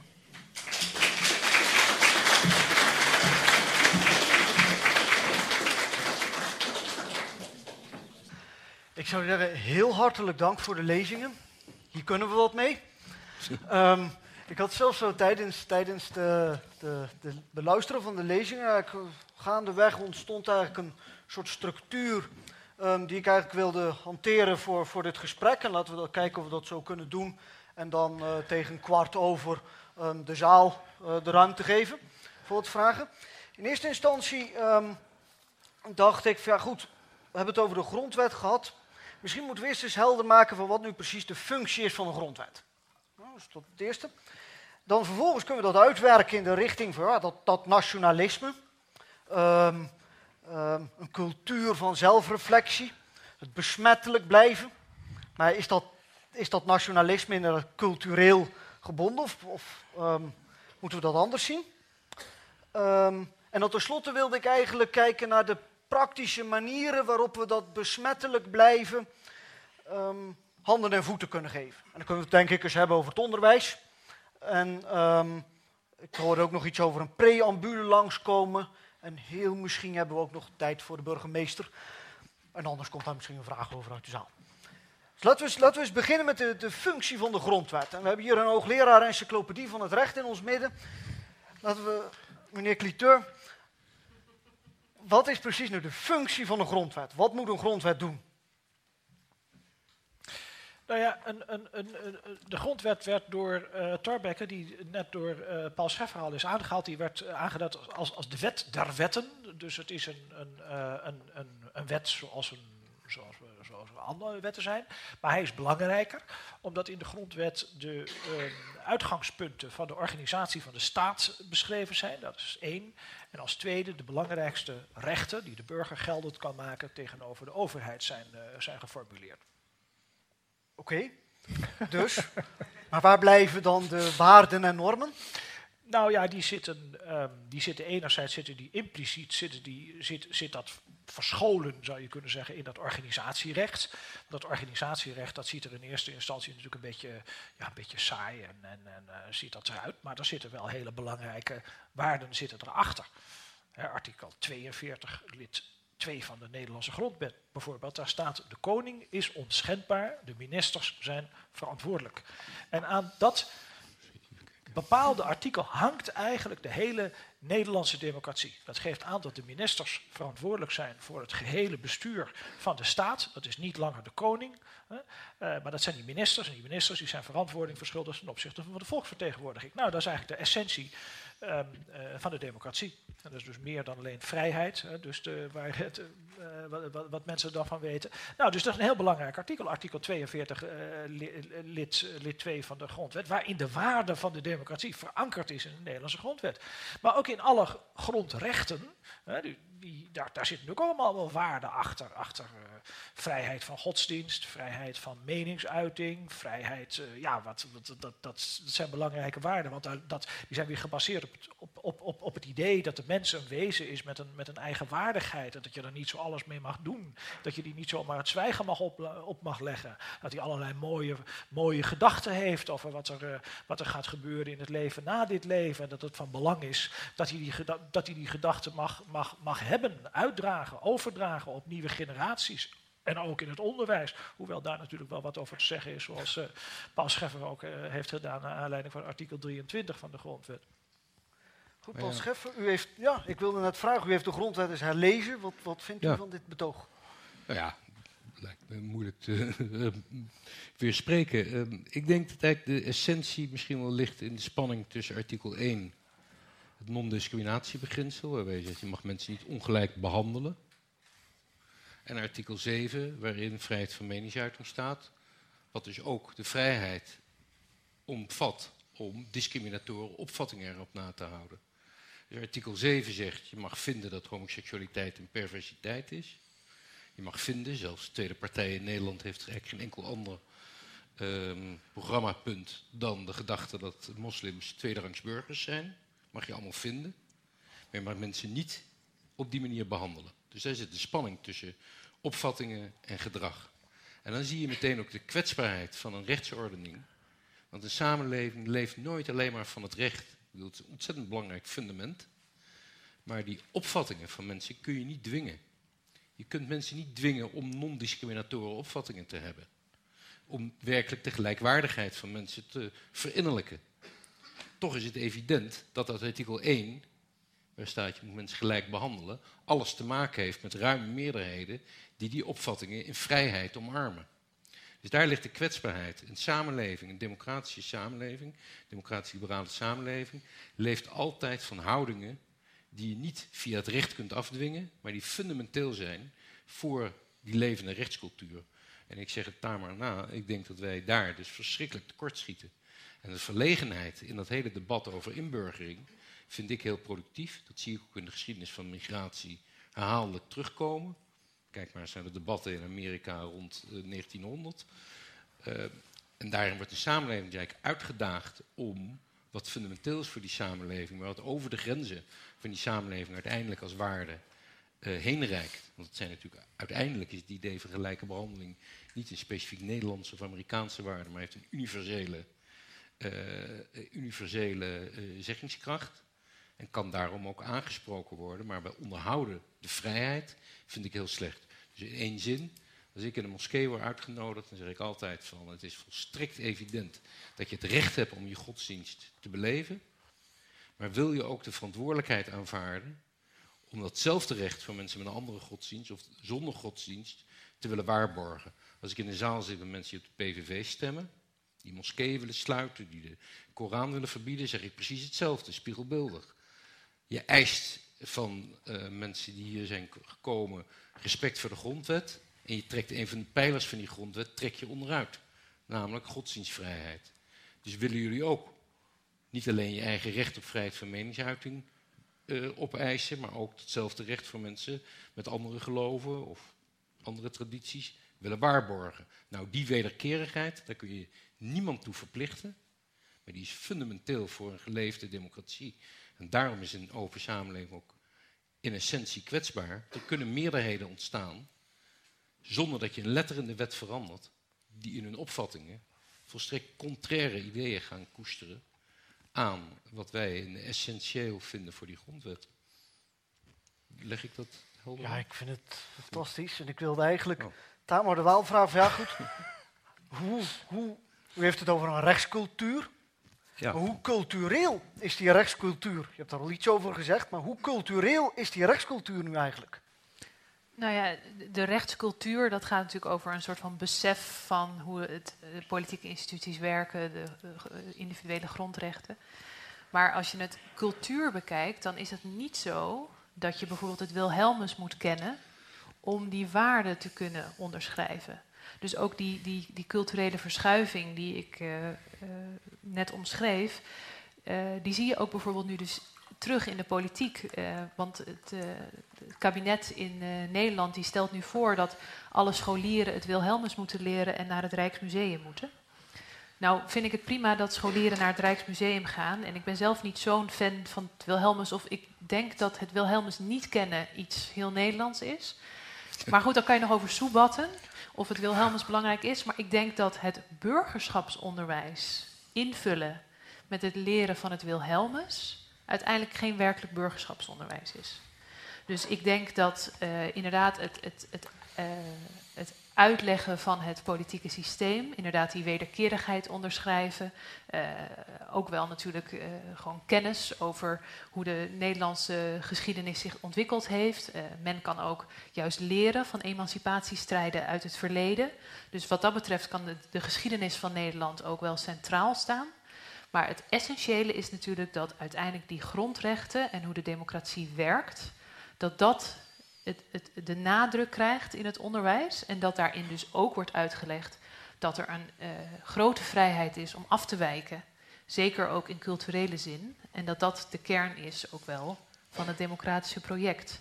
Maar ja, zou je niet kunnen zeggen dat burgerschap ook leeft van een gevoel van. Uh, dat je je plaatsvervangend verantwoordelijk voelt? Kijk, uh, op het moment dat iemand tegen mij zegt. Ik schaam me voor wat er in Srebrenica is gebeurd. Dat is natuurlijk een daad van burgerschap, die schaamte. Of ik ben plaatsvervangend trots op iets wat er gebeurt. Ik wat, uh, worden kampioen ergens.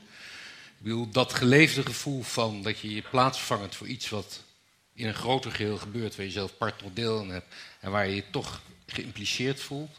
Hoe komt dat tot stand? Nou, niet alleen maar door kernwaarden, maar ook wel door je, um, ik zeg, te begrijpen dat er iets aan je vooraf is gegaan en iets na je komt. Dat je onderdeel bent van een doorgaande geschiedenis. Dus als ik door de straten van Amsterdam loop, dan begrijp ik, of dan probeer ik te begrijpen, wat er allemaal voor collectieve inspanningen nodig zijn geweest om zo'n stad tot stand te brengen. Dat is niemands eigendom. Want ze zijn allemaal nieuwkomers op het moment dat ze geboren worden in een geschiedenis die door anderen is gemaakt. Maar het respect of het gevoel van dat je denkt van, of cultiveert in een samenleving van we begrijpen waar we vandaan komen, met vallen en opstaan. Dat is soms een bron van diepe schaamte. Als we op 1 juli bij elkaar staan bij het monument voor de slavernij. Soms is dat een moment van trots. Om uh, relatieve cultuur uh, van tolerantie in Nederland in de 17e eeuw. Weet ik veel. Kan van alles zijn. Ja. Maar dat plaatsvangende gevoel van dat je onderdeel bent van iets waar je verantwoordelijk voor bent. Ook al erf je iets wat je zelf niet hebt gecreëerd. Ja, ik, Hoe, hoe komt dat tot stand? Hoe onderhoud je dat voorbij, laat ik zeggen, die nadruk op universele waarden die we allemaal delen? Ja, ik denk dat eh, we het minder oneens zijn, want eigenlijk formuleerde je het zelf net ook al. Maar als, vanuit het juridische perspectief is het natuurlijk zo dat mensen hun burgerschapsrechten hebben, ongeacht wat ze vinden. Dus op het moment dat je burgerschapsonderwijs geeft, dan kun je niet zeggen: Nederlandse burgers doen altijd dit en dit en dit en dit. Dus die, die noodzakelijke link maken kan niet. Dat kan dus ook niet je burgerschapsonderwijs zijn. De Nederlander is dit. Tegelijkertijd moet je wel werken aan inderdaad een gevoel van dat mensen dat toch willen gaan doen. En dat is denk ik de spanning in dat onderwijs. Maar dat is niet onmogelijk. Dat is gewoon het uitleggen op die manier zoals jij dat net deed. Nou ja, wa- wa- waarom zou iemand zich verantwoordelijk voelen? Bijvoorbeeld, hè, ik ben zelf betrokken bij het slavernijmonument. Waarom zou iemand zich eigenlijk verantwoordelijk voelen voor een verleden waar je zelf in directe zin part nog deel aan hebt? Waarom zou je voor dat verleden, voor het onderhoud van het verleden, maar dat kan ook zijn voor het onderhoud van cultureel erfgoed, waarom voelt iemand zich onderdeel van de samenleving als burger? Dus ik denk dat wij een onvermogen hebben om naast het onderhoud van die rechtscultuur, wat gewoon kern is van maatschappelijke vrede, om voorbij dat punt eigenlijk een verhaal te vertellen over die geschiedenis met zijn dieptepunten, zijn hoogtepunten, alle middelmatigheid die er tussenin zit en die heel erg, laat ik zeggen, onderdeel is van een Europese geschiedenis, maar tegelijkertijd echt wel specifieke verhalen in zich draagt. Daar zijn we niet zo goed in, vind ik. En daarom mogen die kinderen wat mij betreft best naar het Rijksmuseum.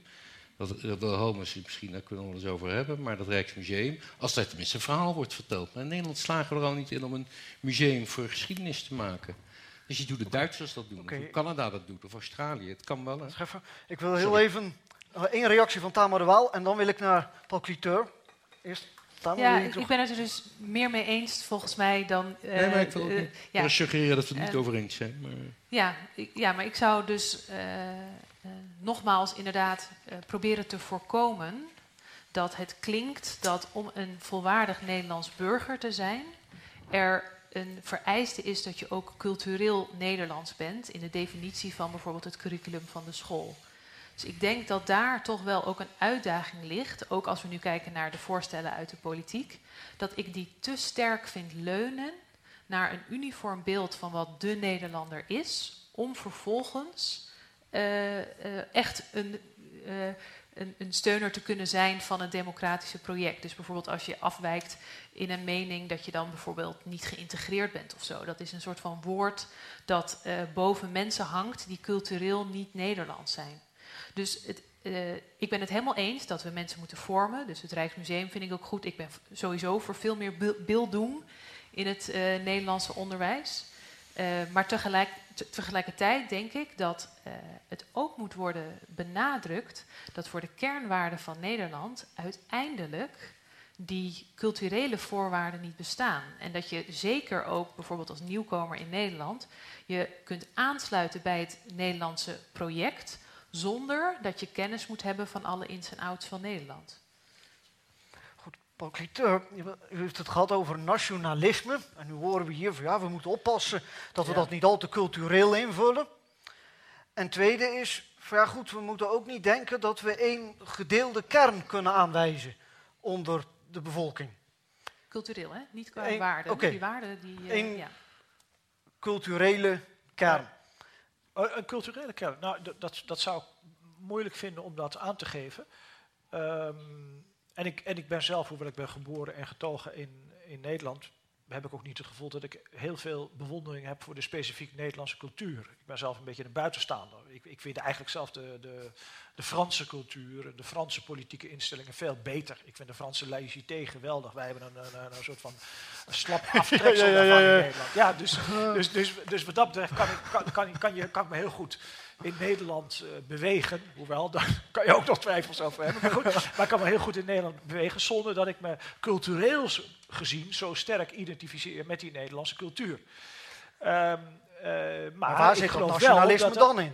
ja, ik geloof wel dat het van enorm, ik geloof wel dat het van een enorme betekenis is dat je in ieder geval geen ehm, eh, dat, dat er niet een hele grote groep mensen is binnen een natiestaat die een, die, die een puur aversieve relatie heeft ten aanzien ja, van het land en van de staat. als, je, als, als, als er 10% van de mensen uh, in, een, in, een, in een land, of het nou Nederland is of België, dat doet er niet toe, maar, uh, of, of een ander land. Maar die, maar die zegt, nou ja, ik vind eigenlijk de Nederlandse staatsinstellingen beslist niet legitiem. Want ik vind de wet van God echt superieur. En dan bedoel ik ook met echt superieur dat ik vind dat de Nederlandse staatsinstellingen moeten verdwijnen, dat er een eind moet, moet, moet worden gemaakt aan de Nederlandse democratie, dat die door een theocratie moet worden vervangen. En, uh, en, en ik ben de, desnoods daarvoor alle middelen aan te wenden. Uh, ja, als er een en, en, en, zelfs, ik denk zelfs met een kleiner percentage dan 10%, heb je een ongelooflijk probleem heb je in, in een staat. Nou, om die mensen er op de een of andere manier bij te houden, denk ik uh, ik, ik, ben nu ook maar een beetje aan het psychologiseren hoor. Dan denk ik dat er allerlei dingen verzonnen worden die strikt genomen een beetje malligheid zijn, zoals dat Wilhelmus. Want ik zou dat ook eigenlijk niet weten wat er precies in dat Wilhelmus staat. Maar ik denk dat op het moment dat er een groep mensen is die, die, die, die zegt, en ik denk dat dat de achtergrond is van, ik wil niets met dat Wilhelmus te maken hebben, want ik, ik, dan, dan wordt dat eerder gezien als een soort van indicatie voor een afstand van de, van de, van de Nederlandse cultuur en samenleving en de Nederlandse staat in zijn algemeenheid. En dat is dan wel een beetje het probleem. Er dus ook mensen die zeggen, ja, ik wil niet gaan opstaan. We hebben dus in Nederland, ik weet niet hoe het hier in België zit, hetzelfde denk ik. Dat als het, als, als het rechtelijk college binnenkomt, dat, dat dan de mensen gaan staan. En als er mensen zeggen, dat wil ik beslist niet. Want ja, dan geeft dat wel op een gegeven moment... We zijn op gang in de, wat u genoemd heeft, de religieuze en etnische transcendentale verlokkingen. Ja. Um, maar de vraag is of die, of die natie die, die u beklemtoont, of dat niet zo'nzelfde transcendente verlokking is. Waarom is dat niet transcendent? Waarom is dat... Nou, je mag het noemen zoals je wilt, maar in, in woorden kun je verschillende betekenissen geven. Als, als, als je zou, zou zeggen dat, dat dat ook een zingevingsperspectief is en dat, en dat je ook daarvan moet zeggen dat het, dat het uh, niet vanzelfsprekend is, dan mag je het van mij ook transcendent noemen. Maar ik bedoel met transcendent uh, in, in, in, in de religieuze zin dat het iets is wat deze ervaringswereld volkomen overschrijdt. Um, en in die zin denk ik dat, dat die natiestaat, dat is iets heel immanents. Dat is ontwikkeld in, een, in, de, in, de, in, de, Europese geschiedenis uh, sinds 1648. Daar hebben we aan gesleuteld, dat hebben we geprobeerd te perfectioneren. Ik geloof dat Bart de Wever en Paul Scheffer nog weer Edmund Burke zou uh, gaan hebben. Of is dat al, dat is al gebeurd? gebeurd? Maar dat is al gebeurd. Maar ja, goed, dat is met vallen en opstaan, hè, met, met piecemeal engineering, zijn dat bepaalde constructies. Die zijn er naar voren gekomen in de geschiedenis en die hebben een zekere historische legitimatie. Uh, maar dat is iets heel anders dan, uh, vind ik, dan een, een transcendente legitimatie in de zin van er is een, een, een, een, godheid aan gene zijde van deze wereld, die heeft deze wereld geschapen, die heeft ons een set waarden en normen gegeven en die set waarden en normen, die moeten wij hier uitvoeren, ook al zouden we het misschien niet willen. Hè? Dat is een ander soort van... Um, um, uh, dat is een heel ander soort van perspectief. Ik ben het overigens helemaal met, met, met Tamar de Waal eens dat ze uh, Edith Schippers en uh, Buma een beetje de oren vast. Want, en, en trouwens ook die, dat, dat een leuk citaat ook naar, naar, naar.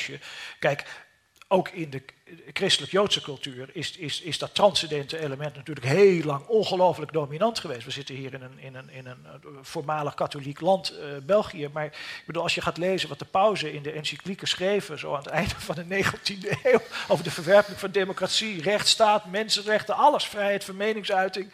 Nou ja, dan, dan vind je daar hetzelfde als wat je tegenwoordig bij, bij, bij radicaal-islamistische groeperingen hoort over de, over, de, over de Europese democratie.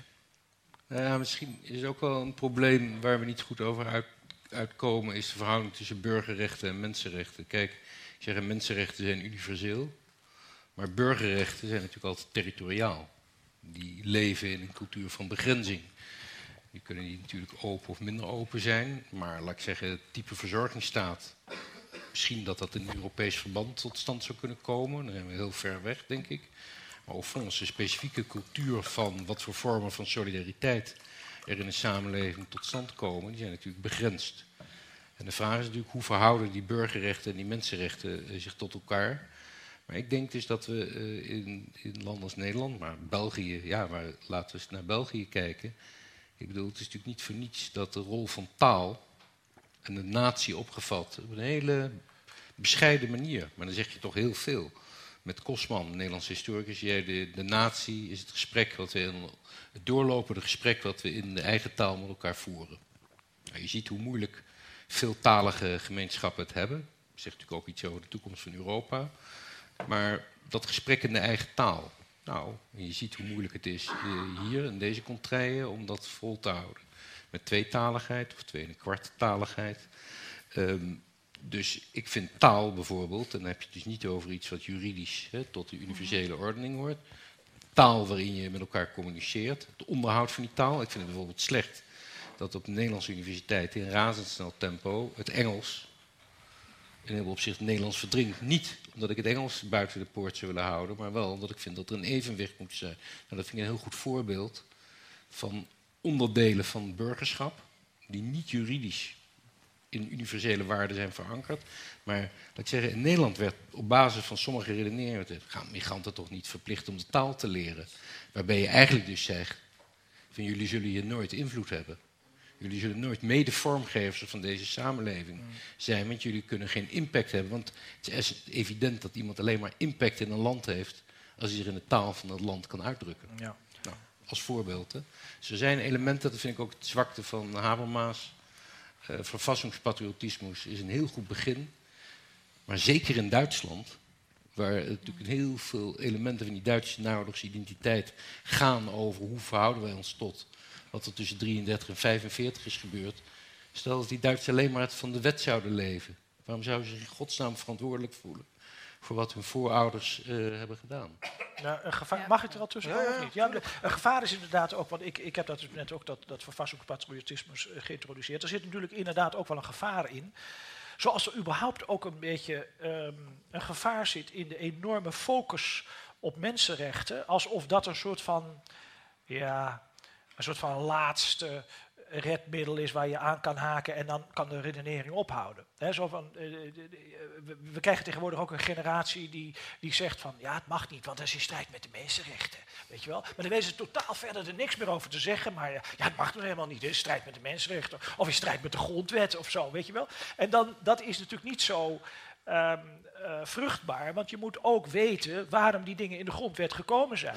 We hebben nu net al, uh, naar aanleiding van het verhaal van, van, van Paul Scheffer, geconstateerd dat, nou, er zijn in ieder geval drie artikelen uit de Nederlandse grondwet waar je wel wat kanttekeningen bij kan plaatsen. Artikel 23, dat vinden we, willen wij wel afschaffen, denk ik. Hij heeft het niet zo hard gedaan, maar hij heeft het een beetje in de week gezet, maar ik zou zeggen, afschaffen. Ja, het is mijn, en die, en die mijn, manier om dingen af te schaffen. en ook die gekozen, en die gekozen burgemeester. Hè? De, dus dus de, de, benoemde burgemeester hebben we net eigenlijk ook al afgeschaft. Dus, dus ook voor de Nederlandse Nederlandse grondwet, dat geldt ongetwijfeld ook voor de Belgische, zijn er allerlei dingen aan te wijzen waarvan je zegt, mm, niet zo best. En daarom is ook, denk ik, eigenlijk, als ik nou een, een soort van inburgers, inburgeringsbeleid beleid zou mogen ontwikkelen, dan zou ik ook zeggen, dan houdt dat ook in dat je kritisch nadenkt over de achtergrond van die grondwetsartikelen. Artikel 23 van de Nederlandse grondwet, wat het, wat het confessioneel onderwijs bekostigt op voet van gelijkheid met het openbare onderwijs, is gebaseerd op een gedachte die heel veel mensen delen, dat je toch op de een of andere manier, mijn moeder dacht dat ook, dat, dat godsdienst toch wel een beetje nou, goed is voor de moraal. Mhm. mijn moeder geloofde daar zelf, daar geloofde ze niet zoveel meer, maar ze dacht wel van, nou, dat zijn wel nettere mensen. En uh, ja, weet je, en dan denk ik, uh, nou ja, ik ben verder mij erg in humanistische richting gaan ontwikkelen. Ik ben boeken gaan schrijven met Dirk van Hofstad over atheïsme. En ik ben mij gaan verdiepen in de vraag van, ja, heb je eigenlijk überhaupt voor moraal wel godsdienst nodig? En mijn antwoord is, daar, daar vele dingen over te hebben geschreven en over nou, eigenlijk helemaal niet. Ja, je, je kunt wel je moraal uit godsdienst afleiden, hè, maar je hebt niet principieel godsdienst nodig voor moraal. Je kan een goed mens zijn, moreel gezien, zonder godsdienst. Als je daar een goede discussie over krijgt, dan komt al ja, die hele grondslag van artikel 23 komt een beetje op losse, op, op, op, op, op, hè, op, op losse schroeven te staan. Want als je voor moraal geen godsdienst nodig hebt, waarvoor heb je nou wel nodig in het onderwijs? Nou, omdat het je misschien allerlei vergezichten opent ten aanzien van de wetenschapsbeoefening. Zou je de astronomie niet kunnen beoefenen zonder godsdienst? Nou, Galileo dacht van wel. De biologie niet zonder godsdienst? Nou, Darwin dacht van wel. Waar heb je dan eigenlijk wel die godsdienst nog, nog voor nodig? dat, dat, dat uh, gaan we eens even vragen. Want één, Paul Scheffer was atheïstisch opgegroeid. Maar hij heeft toch wel langzamerhand interesse gekregen in godsdiensten, bespeurde ik. Ja, maar die dus heb ik zit ook. daar iets. Die heb ik ook, Nee, maar zit, er kennelijk iets van waarde in of niet? En twee, wat vind jij, denk je, Tamar, dat deze dingen, die voorstellen, het afschaffen van artikel 23 en zo, het besmettelijk blijven van ehm, de kernwaarden bevordert? Laten we eerst, eerst de dame, dan. Ja. Ja, Ja, of, of dit soort discussies de besmettelijkheid bevorder- bevordert. of het, Ja. Nou, laten we zeggen, het afschaffen van artikel 23. Gaat dat helpen bij het, bij het, bij het, bij het besmettelijk houden of besmettelijk maken of besmettelijk laten blijven van de ehm, kernwaarden Ja. Van de grondwet? Nou, het, het, het argument dat altijd voor bijzonder onderwijs wordt gebruikt, is dat uit onderzoek in Nederland altijd blijkt dat de CITO-scores op die scholen veel hoger zijn. Dus dat het op de een of andere manier toch beter onderwijs lijkt. Maar dat is natuurlijk ook voor mij, Ja. eh, ik ben zelf altijd naar openbare scho- scholen geweest en ook niet gelovig. Niet echt een overtuigend argument, maar dat is wel wat vaak gebruikt wordt. Het doet me ook een beetje denken aan de bekende Lauzi-zaak. Dat was in eh, Italië een, eh, een, een zaak waar een openbare school een eh, het kruis met eh, een crucifix had hangen. En dat een moeder van een, eh, een van de kinderen dat, eh, dat kruis eigenlijk weg wilde hebben. En dat had Italië, dat is naar het eh, Europese Hof geweest. En Italië had het in eerste instantie ver- verloren. Dus het, eh, het kruis moest inderdaad weg uit. Ik moet even bijzeggen, in ieder klaslokaal hing zo'n kruis, christelijk kruis. En dat moest dus op dat moment weg. Nou, daar kwam een gigantische reactie op. Eh, Italië voelde zich inderdaad in hun cultuur aangetast. Eh, en toen in, de, in een eh, in hoger beroep is toen uiteindelijk gezegd dat Italië dat toch moest doen. Op het moment dat tijdens de lessen wel werd uitgelegd dat je net zo goed een andere geloofsovertuiging kan hebben. Dus dat de school een bepaalde identiteit heeft, betekent nog niet dat het onderwijs ook aangeeft dat iedereen die identiteit moet hebben. Nou ben ik nog steeds tegen kruisen in openbare scholen. Maar dat is dus wel een argument dat gebruikt zou kunnen worden. Dat het dus niet eens zozeer gaat om de identiteit van de school zelf. Zodra het, eh, het, het, het hoofdstukje eh, levensbeschouwing en burgerschapsles binnen die scholen inclusief is, dan zou dat bijzondere onderwijs niet zo'n probleem hoeven zijn. Ja, Ja, maar, dat vind maar ik de dus essentie helemaal, is dat vind ik natuurlijk... helemaal niet. Nee, nee, nee, maar eerst, Nee, Ja. Ik ben tegen. Lautsi 2 natuurlijk. Ja, ja, ja. Maar ik wil eerst- dan, Nou ja, ik denk, ik denk dat dus de realiteit natuurlijk is, als het betekenis heeft, dan is dit natuurlijk niet inclusief. Want dan heeft het nou net de bedoeling om niet alles te omvatten, maar kinderen toch in het verlengstuk van een opvoeding verder eh, door dat onderwijs te leiden en in een bepaalde begrenzing, normatieve begrenzing, eh, dat onderwijs te geven. Ehm, ik ben eerlijk gezegd dus eh, tegen die uitspraak, want ik vind eh, je kunt anderen niet confronteren met het idee van de scheiding van kerk en staat. Ja, dus ik sprak een tijd geleden met een vrouw met Turkse achtergrond, minister in Duitsland, in een van de deelstaten. En die had dus gezegd, hoe kan het dat hier in allerlei openbare scholen kruisbeelden hangen? En nou, die kreeg de wind van voren, dit zijn wij. Ja, dat kan dus niet. Hè. Je kunt niet tegen Nee. mensen zeggen, de scheiding van kerk en staat is belangrijk. En dan zeggen, ja, maar dat is onze traditie. Nee, en daarom is het zo'n productief gesprek. Omdat je namelijk uiteindelijk is een samenleving wordt enorm tot zelfreflectie gedwongen. Waar we ook over moeten denken. En daarom geloof ik dus dat de bronnen van burgerschap, hoe meer ik erover nadenk, liggen in het recht. Maar liggen ook buiten het recht als het bijvoorbeeld gaat over taal. Maar ook moeten we nadenken, waarom kost het ons zoveel moeite? Als we echt allemaal universe- door universele waarden zouden worden geleid. Om ons verantwoordelijk te voelen voor Griekse burgers. Om ons al verantwoordelijk te voelen voor Belgische burgers. Nou, wat zeg ik in België? Dat Vlamingen zich verantwoordelijk voelen voor Walen.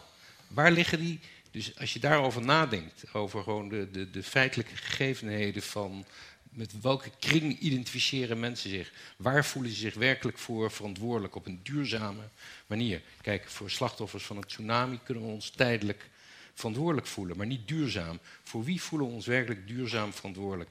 Nou, dat heeft iets met een cultu- geleefde cultuur van burgerschap te maken. Daar zou ik graag over willen nadenken. Daar heb ik allemaal niet pasklare antwoorden op. Maar ik geloof wel zeker te weten dat een samenleving bij elkaar wordt gehouden door een cultuur van burgerschap die voorbij eh, de rechtsstatelijkheid Ja. reikt. En meer van mensen vraagt, maar van iedereen. En op een zelfkritische manier, maar wel meer vraagt dan dat. Uh, maar je kunt niet normen aan mensen voorhouden. En dat doen we veel te vaak. En dat, daar leeft de PVV van. En eerlijk gezegd ook een beetje de partij van uh, waar Paul uh, bij betrokken is, Forum voor Democratie, ook te veel een wet voor de Nederlandse waarden. Als we nou iets niet moeten doen, is het wel specifieke waarden. En we leven in een waardepluralisme, we hebben gemeenschappelijke normen nodig. En dat moeten we juist dat participatiecontract van Ascher ook. Dus met, met, juridische middelen proberen participatie te verankeren. Ik geloof er in meneer Riepstra, nog een boek wat ik geschreven had. Dat heb je toch slecht gelezen, jongen. Want daar staat nou precies het tegenovergestelde. Dus dat je juist niet de orde van de juridische dwang moet gebruiken om participatie te bevorderen. Dat moet in vrijheid tot stand komen. Net zoals het verinnerlijking van een democratische rechtorde kan uiteindelijk alleen maar in vrijheid ja. tot stand komen. Ja, ik ben het helemaal mee eens dat het een hele precaire ontstaansgeschiedenis kan hebben, hè, rechtscultuur. Dus uh, om ook driest uh, bijvoorbeeld de integratie van de EU door te voeren, dat er een, uh, een superstaat zou worden waar de andere natiestaten in Europa in zouden opgaan. Dat is ook denk ik vanuit dat praktische perspectief. Want je zou kunnen zeggen, op het niveau van waarde verandert er niet zoveel. dus dat zou toch moeten kunnen vanuit dat grondwetspatriotisme. Ja. Dus dat, aan de ene kant is dat dus een feitelijke uitdaging. En uh, misschien moet die integratie met de EU, verdere integratie wel helemaal niet, dat is even de discussie niet. Maar de, dat het historisch een precair ontstaansgeschiedenis is, waar je ook voorzichtig mee moet omgaan op het moment dat je het hebt, uh, betekent nog niet, of betekent, dat is aan de ene kant waar, en aan de tweede kant is, aan de andere kant is het ook waar, dat dus die waarden niet cultureel definiëren ook altijd het uitgangspunt moet blijven. En dat is denk ik dus de lastige uh, cyclus of dynamiek, waar je in moet blijven. Uh, dus aan de ene kant zorgvuldig zijn met de cultuurgemeenschap die je hebt ten opzichte van die waarden. En tegelijkertijd er inderdaad geen folklore cultuurwaarden van maken, die eigenlijk eerder mensen buitensluiten dan insluiten en daarmee eigenlijk het systeem weer op scherp stellen. En daarmee de, de, de rechtscultuur. Dus uh, ik denk ook, en wij komen natuurlijk nu ook weer niet uit het, uit, het, uh, uit het definiëren van wat is die Nederlandse cultuur nou en hoe zit dat ten opzichte van die rechtscultuur. Maar dat is natuurlijk ook sociologisch allemaal heel erg ingewikkeld en het is inderdaad deels taal. Uh, maar we hebben bijvoorbeeld in Nederland natuurlijk ook een vrij sterke Fries, Friestaalgebied. die hebben ook de, eigenlijk een vorm van multiculturalisme dat uitstekend gaat. Zelfs een nationale taal, het Fries. Uh, dus we zien dat mensen ook heel goed gelaagde identiteiten kunnen hebben. Hè? Dus mensen die zich aan de ene kant uitgesproken Fries voelen en aan de andere kant uitgesproken Nederlands. Dat kan tegelijk. Dus om ook een, een idee van dat je aan Nederland moet verbinden, dat dat betekent dat je helemaal geen andere identiteit kunt hebben op het niveau van de stad of de provincie of misschien de achtergrond van je ouders, dat loopt ook op een gegeven moment spaak. Dus het is inderdaad een, een, uh, een, een ingewikkeld historisch en sociologisch pakket. Waarin uiteindelijk die kernwaarden altijd weer centraal moeten blijven staan. Maar waarbij het nooit zo simplistisch is dat je een culturele Nederlander moet zijn om erbij te horen. En dat is denk ik heel erg een uitdaging voor iedere liberaal-democratische rechtsstaat. Oké, Paul Cliteur, nog een laatste scherpe slotopmerking. Daarna gaan we naar de zaal.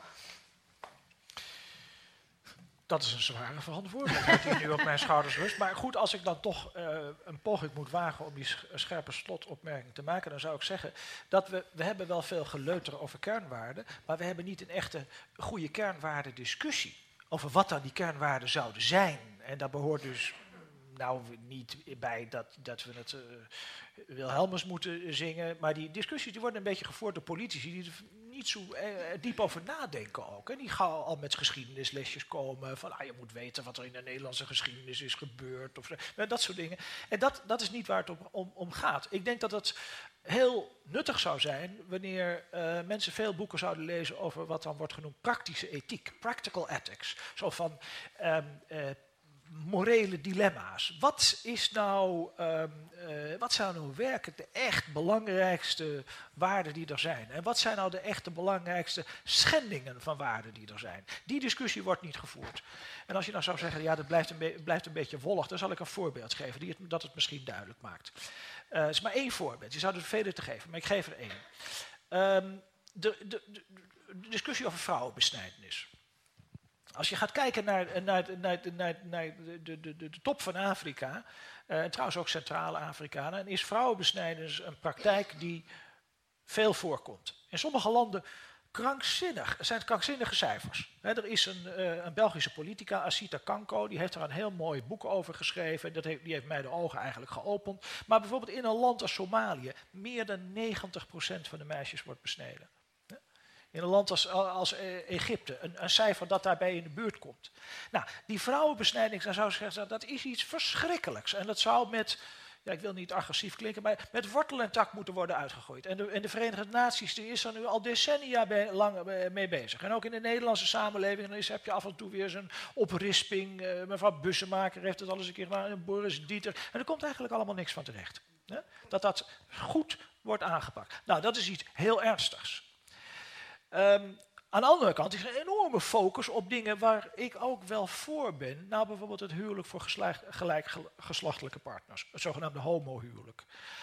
Daar ben ik wel voor. Maar ik vind ook dat er een obsessie is met dat onderwerp. Alsof de aller, aller, aller, aller, grootste schending van de mensenrechten die er zou kunnen plaatsvinden, dat zit hem in het niet erkennen van het homohuwelijk. En dan denk ik, ja, dat is dis disproportioneel. Dat eerste vrouwen beroven van hun, van, hun, van hun clitoris, is een, is, een, is een inbreuk op de mensenrechten van enorme proporties. En dat tweede, nou dat staat op mijn wensenlijstje om dat te gaan realiseren voor de komende tijd. Maar daar, ga ik heel relaxed mee om.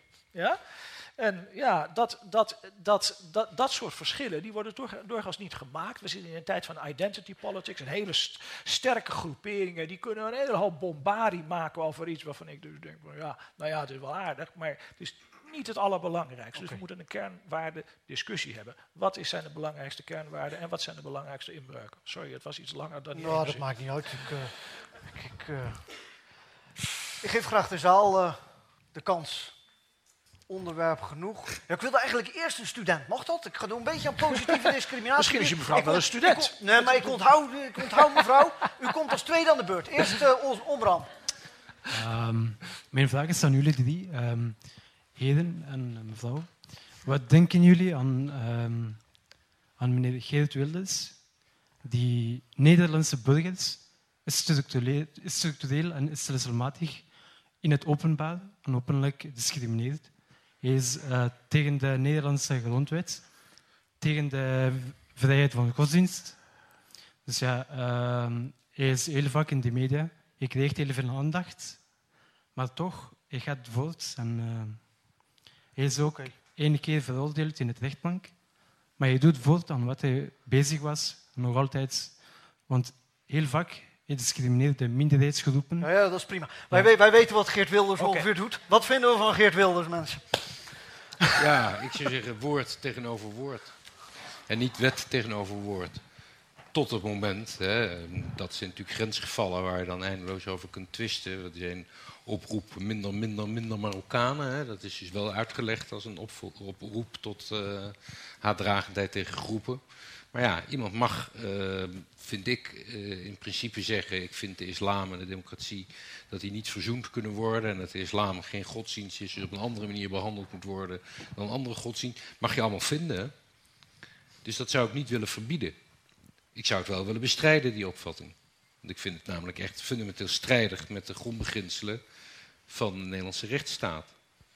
Om namelijk te zeggen tegen de gelovige gemeenschap: jullie moeten de grondwet van Nederland accepteren en gelijk behandeling en noem maar op. Maar wij zeggen: een van de belangrijkste pijlers van die grondwet gaat niet voor jullie op.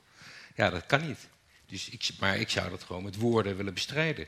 Ik zou die, die tegenstrijdigheid voortdurend aan de orde willen stellen. Net zoals ik die tegenstrijdigheid bij een deel van de moslimgemeenschap aan de orde wil stellen, waar ook te veel mensen zijn die zeggen: ik eis een recht op, zonder de verplichting te voelen om datzelfde recht voor mensen waarmee ik het fundamenteel oneens ben, om dat te willen verdedigen. Dus aan beide kanten zie ik dat men ontrouw wordt aan het grondbeginsel van, ik zou zeggen, dat is wederkerigheid. Je hebt rechten, maar ook de verantwoordelijkheid voor de rechten van anderen. Nou, ik zou dat liefst met woorden willen uitvechten, gewoon in de politieke arena. Maar er kan een moment komen, en dat is gekomen, dat de rechter zich erover moet uitspreken. Maar ik zou er heel terughoudend in zijn, juist omdat ik geloof dat het vrije, uh, de botsing van woorden, de vrijheid van meningsuiting in samenleving uiteindelijk geweldlozer maakt. Samenlevingen die gewelddadig zijn, zijn meestal samenlevingen met een heel beperkte vrijheid van meningsuiting. Juist als mensen hun woede of een frustratie of teleurstelling in woorden kunnen omzetten, in beelden, in demonstraties, dan is de weg naar het geweld veel langer. Als je dat allemaal niet kan, dan is de verleiding om het geweld te hanteren, denk ik, eh, groter. Dus ik geloof heel erg in een cultuur van botsende meningen. Inclusief Wilders. Ja, hierop aanhakend is het... Eerst daar maar dan Paul, want Paul, heeft mogen, Paul Cliteur heeft mogen getuigen in de Oh, zaak Wilders. Dus die Ja. geven graag weer een, een slotwoordje. En dan gaan we naar mevrouw. Ja, maar hierop aansluit is het wel zo dat als je het, eh, eh, de verkiezings... wat, het A4'tje was het, van Wilders bekijkt... Dat, dat, dat hij wel de vraag oproept dat stel hij zou aan de macht komen... en hij zou dat willen eh, invoeren... dat een heel aantal van zijn voorstellen op grondwettelijke bezwaren zou stuiten. Dus bijvoorbeeld het, eh, het sluiten van moskeeën... Eh, en het verbieden van de Koran, dat gaat toch in tegen godsdienstvrijheid, verenigingsvrijheid en vrijheid van meningsuiting. Dus, eh, eh, en dan is het trouwens in Nederland nog zo, er is een toetsingsverbod. Dus er mag eigenlijk de formele wetten, dus als dat via de Staten-Generaal zou gaan, zou dat niet worden getoetst aan de grondwet. Maar dat zou dat worden getoetst aan internationaal recht. Dus eigenlijk zou de grondwet nog niet eens optreden, maar met een, met een omweggetje zou dat alsnog onmogelijk zijn. Dus eh, inderdaad, op dit moment is het nog een woord tegen woord. Maar als je eh, kijkt naar zijn verkiezings-A4, zitten daar wel degelijk eh, plannen in die in strijd zijn met de Nederlandse grondwet. Cliteur. Ehm, ja, dit is een heel groot onderwerp. Maar la- eh, laat ik even kijken waar ik zal beginnen. Laat ik, laat ik, laat ik beginnen bij, bij, bij, bij iets wat Paul Scheffer heeft gezegd eh, voordat we aan de vragenronde begonnen. Eh, op een gegeven moment ging het over, over, over discriminatie. Ehm, discriminatie was aanvankelijk het verbod om mensen ongelijk te behandelen op grond van criteria die er niet toe doen. Ja? Dus je in, je, in, je, in, je, eh, bij, in de sollicitatieprocedure. Hè? Je, stelt, stelt, je, je, je, je, je stelt geen mensen aan met een bepaalde huidskleur. Of zo. Nou, dan is dat overduidelijk discriminatie. Ja? Dat is op een gegeven moment is dat eh, verboden. Eh, in die zin dat in de horizontale relatie tussen de burgers en de overheid, die overheid zou niet mogen discrimineren. Een volgende stap was dat men gezegd van ja, dat moet niet alleen gelden in de relatie tussen, tussen de burger en tussen de overheid, maar dat moet eigenlijk gelden eh, in de samenleving. Dat moet, zoals wat juristen noemen, horizontale werking hebben. Dat vind ik eigenlijk ook nog goed. Ja? Maar toen is er een ontwikkeling gekomen. Zeggen van ja, maar dat, dat moet niet alleen voor handelingen gelden, maar ook voor dingen die mensen zeggen. Ze mogen ook geen discriminerende dingen meer zeggen. Dat is een heel essentiële grens die je dan overgaat. Want dan krijg je inderdaad die strijdigheid eh, met, met een ander grondrecht. Dat je ook vrijheid van expressie moet hebben. Dat je dus in het maatschappelijk verkeer allerlei ideeën die je hebt, die moet je een beetje vrij de loop kunnen laten. Kunnen laten botsen met ideeën van anderen. Dat is maatschappelijk debat. Maar op het moment dus dat je zegt nee, mensen mogen eigenlijk geen enkele discriminerende gedachte meer publiekelijk ventileren, dan heb je een hele onaangename maatschappij. Maar wie, wie zegt dat? Nou, Nou, dat is, het officiële, dat, is het officiële, dat is het officiële beleid eigenlijk. Hè, als je dus, eh, Zeggen. nee, maar het officiële beleid dat je ook geen dingen mag zeggen die discriminerend zijn, die zijn strafbaar. We hebben in de artikelen 137 en 7 van het wetboek van strafrecht. Hè, er, zijn, er zijn vier dingen die niet mogen ten aanzien van vijf categorieën mensen. Dat is het officiële, ik, ik geef nu geen opinie, maar ik geef gewoon positief recht weer. Je mag niet aanzetten tot haat, je mag niet aanzetten tot discriminatie, je mag niet aanzetten tot geweld en je mag groepen niet beledigen. Op basis dan weer van vijf, ehm, eh, eh, vijf criteria, waarvan er één is ras. En dan kom ik eigenlijk bij uw vraag. Dan is een beetje het punt, wat heeft nou Geert Wilders in, bij die laatste uitspraak gedaan? Die heeft daar een soort van eh, ja, theater opgevoerd, waarin hij heeft zich afgevraagd, wilt u meer of minder Marokkanen in Nederland en in Den Haag? En toen heeft het publiek dat heeft geroepen, minder, minder, minder. Daar is hij op veroordeeld. In eerste instantie door de rechtbank. Maar ik heb daarvan gezegd, dat is eigenlijk vreemd. Om verschillende redenen. De eerste vraag die het oproept is, waarom zou je niet mogen oproepen tot minder mensen van een bepaalde categorie in Nederland? Eh, ik denk dat ze in de Congo wel roepen, wilt u meer of minder Belgen in de Congo? Nou, ik denk dat er minder, minder, minder wordt geroepen. Hè? Uh, er staan borden staan er in, op Bonaire en Curaçao langs de kant van de weg. Weg met de Macamba's. Dat zijn de Nederlands. Hè? Dat is allemaal niet strafbaar. En dan kan je zeggen, ja, maar luister gezien in het licht van de geschiedenis, hè, uh, je hebt toch een beetje wat zieligere groeperingen en wat minder zielige groeperingen. Je hebt een koloniserende naties en gekoloniseerde naties. Ja, maar dan wordt het wel een heel erg uh, ingewikkeld verhaal. Ik ben dus geneigd om te zeggen dat jij de wens mag uitspreken van minder mensen uh, van een bepaalde nationaliteit uh, in jouw land of in jouw buurt. Ik ben wel geneigd om te denken, min, minder Amerikanen in Amsterdam-Zuid. nou, daar ben ik eigenlijk wel aan voorstander Min, van. min, minder Amerikanen in Amsterdam-Zuid. We gaan, we gaan naar mevrouw. We gaan Ja, eh, dat, vind ik, dat, Ja. dat vind ik dus niet zo erg. Maar wat er nou nu gebeurd is, dat is, dat is la, echt, echt de laatste zin. Ja. Wat er is gebeurd, dat is dat, die, dat, dat ook nog eens een keer zo, hoewel dus nationaliteit geen duidelijk en expliciet beschermde categorie in het Nederlands recht, heeft men gezegd, ja, dan gaan we onder ras brengen. Ja? Dus, dat, dus je hebt dus nu een Marokkaans ras ineens, volgens de rechtbank in Den Haag. Ja? Nou, nou, dan zou je ook een Tunesisch ras moeten hebben, en een Belgisch ras, en een Nederlands ras. het wordt erg ingewikkeld. Er zijn eh. er 200 rassen aangesloten Ah. bij de Verenigde Naties. we gaan naar die Ja. mevrouw. We hebben vandaag, ja, we hebben vandaag eh, vier Nederlanders op het podium. En ik, behalve op het eind, mevrouw, eh, bent u er erg in geslaagd om de Belgen belangrijke informatie te onthouden.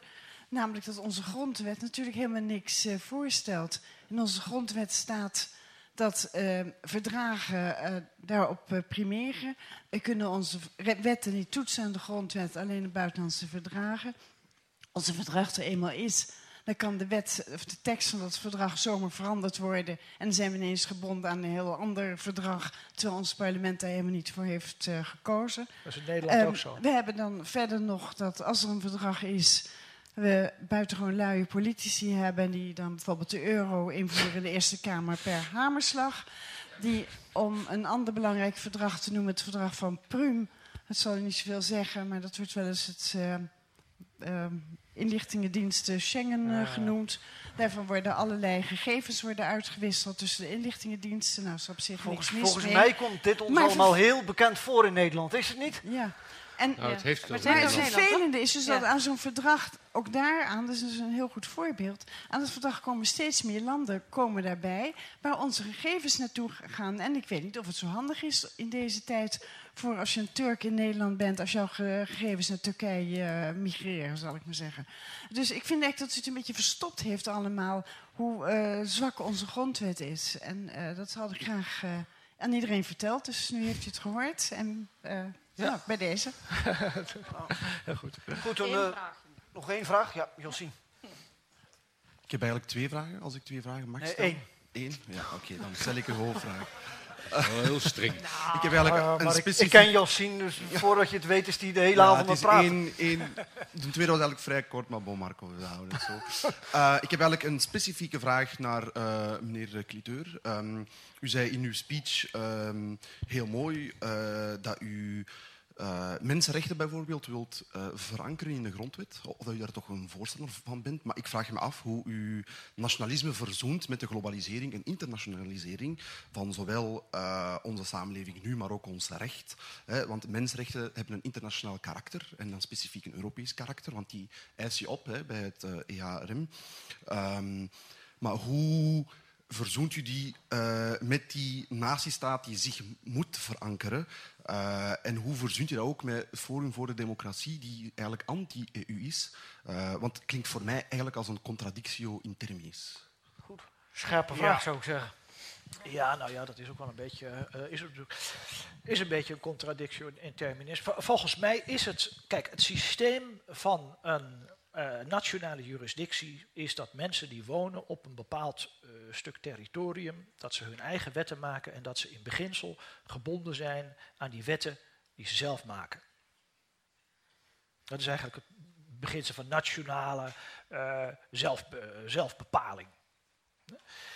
Ehm, op een gegeven moment in de jaren eh 50 is er een verdrag eh, gemaakt, wat u net heeft genoemd, het Europees Verdrag voor de, voor de eh, Rechten van de Mens en de Fundamentele Vrijheden. En daarbij vraagt de Raad van Europa, ehm, Europese natiestaten, is er nou niet een corpus aan waarden te formuleren waaraan u gebonden wilt zijn? En wilt u niet ook een rechtelijke instantie in het leven roepen die u daarop controleert. En daar hebben de, de meeste staten, ook Nederlands, van gezegd: ja, dat willen we wel doen. Ja? Nou, dat is eigenlijk het systeem. En dat, is, dat kan je zien als een, als een stukje correctie op, op nationale zelfbepaling. Ja? Nou is het zo dat in de, in de loop van de historische ontwikkelingen is dat, is dat proces, naar, naar, naar het oordeel van sommige landen, is dat veel te ver doorgeschoten. Groot-Brittannië bijvoorbeeld. Die hebben het gevoel gekregen dat, ze daar, dat die rechters zo activistisch zijn geworden in dat Europese Hof voor de Rechten van de Mens in Straatsburg. Dat allerlei dingen die ze eigenlijk in hun nationale parlement het laatste woord over willen hebben, dat, dat hebben ze het gevoel dat is van hen afgepakt. En dat willen ze nu terugdraaien. En dat doen ze dus nu op een hele radicale manier met, door middel van de, van de brexit. En, en op, op, op zo'n manier kan je ook uittreden uit het Europese verdrag voor de... Ik bedoel, het Forum voor Democratie nee, nee, dat zou ik, gewoon dat uit de Europese Unie. Dat ja, nou ja, die, die Europese Unie, dat, ik, heb het nu nog even over de Raad van Europa en over die grondrechten. Ik ben in beginsel... even over de brexit als voorbeeld. Ik ben, jawel, maar ik ben, uh, een, uh, ik ben in beginsel ben ik wel voor het Europees, uh, Europe voor het Europees Verdrag voor de Rechten van de Mensen en de Fundamentele Vrijheden. En ik ben voor een zekere bescheiden toetsing door, het, het, verdrag door het Hof in Straatsburg aan die rechten. Maar ik zie ook dat het uit de hand is gelopen. Ik zie ook dat het veel te ver is doorgeslagen. Ik zie ook dat, je, dat er sprake is van een soort van grondrechten proliferatie. We hadden eerst een klassieke grondrechten, sociaal-economische grondrechten, collectieve grondrechten. En, en ik zie dus dat die rechters eigenlijk steeds meer gaan, als ik het oneerbiedig uitdruk, een beetje gaan fantaseren naar aanleiding van die rechten. En ik heb er net al voorbeeld al van gegeven. Dat je dus in feite uh, nationaliteit in ras gaat, gaat lezen. Kijk, dat is dus niet goed. Dus ik vind dat die rechters ook hun, hun taak niet goed hebben gedaan de afgelopen Slot, jaren. Slotwoord voor Tamar en dan gaan we verder discussiëren bij de borrel. Tamar. Ja, ik, ik uh, zou eigenlijk willen zeggen dat ik het een uitstekende vraag vond uh, aan het einde. Want ik denk toch dat we als we over die mensenrechten willen blijven nadenken. En ik denk inderdaad uh, in, het, in de drieslag die belangrijk zijn, was dat de laatste ook bij Paul Cliteur. Ja, ik noem je even een beetje achternaam, want jullie zijn allebei Paul. Ja, um, zeker. maar je hebt toch wel de verschillen gezien, hè? Ja. um, maar ik denk dat het wel belangrijk is om inderdaad na te denken toch over dat we dat universele karakter en ook dat toch cosmopolitische karakter van die mensenrechten wel bewaren. En dan komen er allerlei vragen op. Inderdaad, de verhouding tussen mensenrechten en burgerrechten. En het, het is niet per se dat het daarmee een, hele, uh, uh, een heel simpel vraagstuk wordt. Maar ik denk wel dat het noodzakelijk is, juist ook wel omdat wij in Europa hebben gezien dat als we alleen maar bij nationalisme blijven, dat dat kan leiden tot een trek naar binnen en naar tribalisme. En als we geen instituties hebben die ervoor kunnen zorgen dat op het moment dat het binnen een nationale sfeer ontspoort, en dan moeten we inderdaad toch uh, ken, uh, waarden hebben of rechten die fundamenteel losstaan, toch ook van die burgerrechten en de nationale uh, politiek dan denk ik toch dat we weer wat verliezen. Terwijl we volgens mij in 1951 en in de verdragen die in de jaren daarna zijn gesloten, toch ook een, een stap vooruit zijn gegaan. Een morele stap vooruit in de kwaliteit van onze rechtsorde. Dus inderdaad, volgens mij, het nadenken over de verhouding van nationalisme en mensenrechten, dat is volgens mij wel een van de kernvragen. Goed, Tamar, Paul en Paul, heel hartelijk dank voor dit gesprek en voor de lezingen.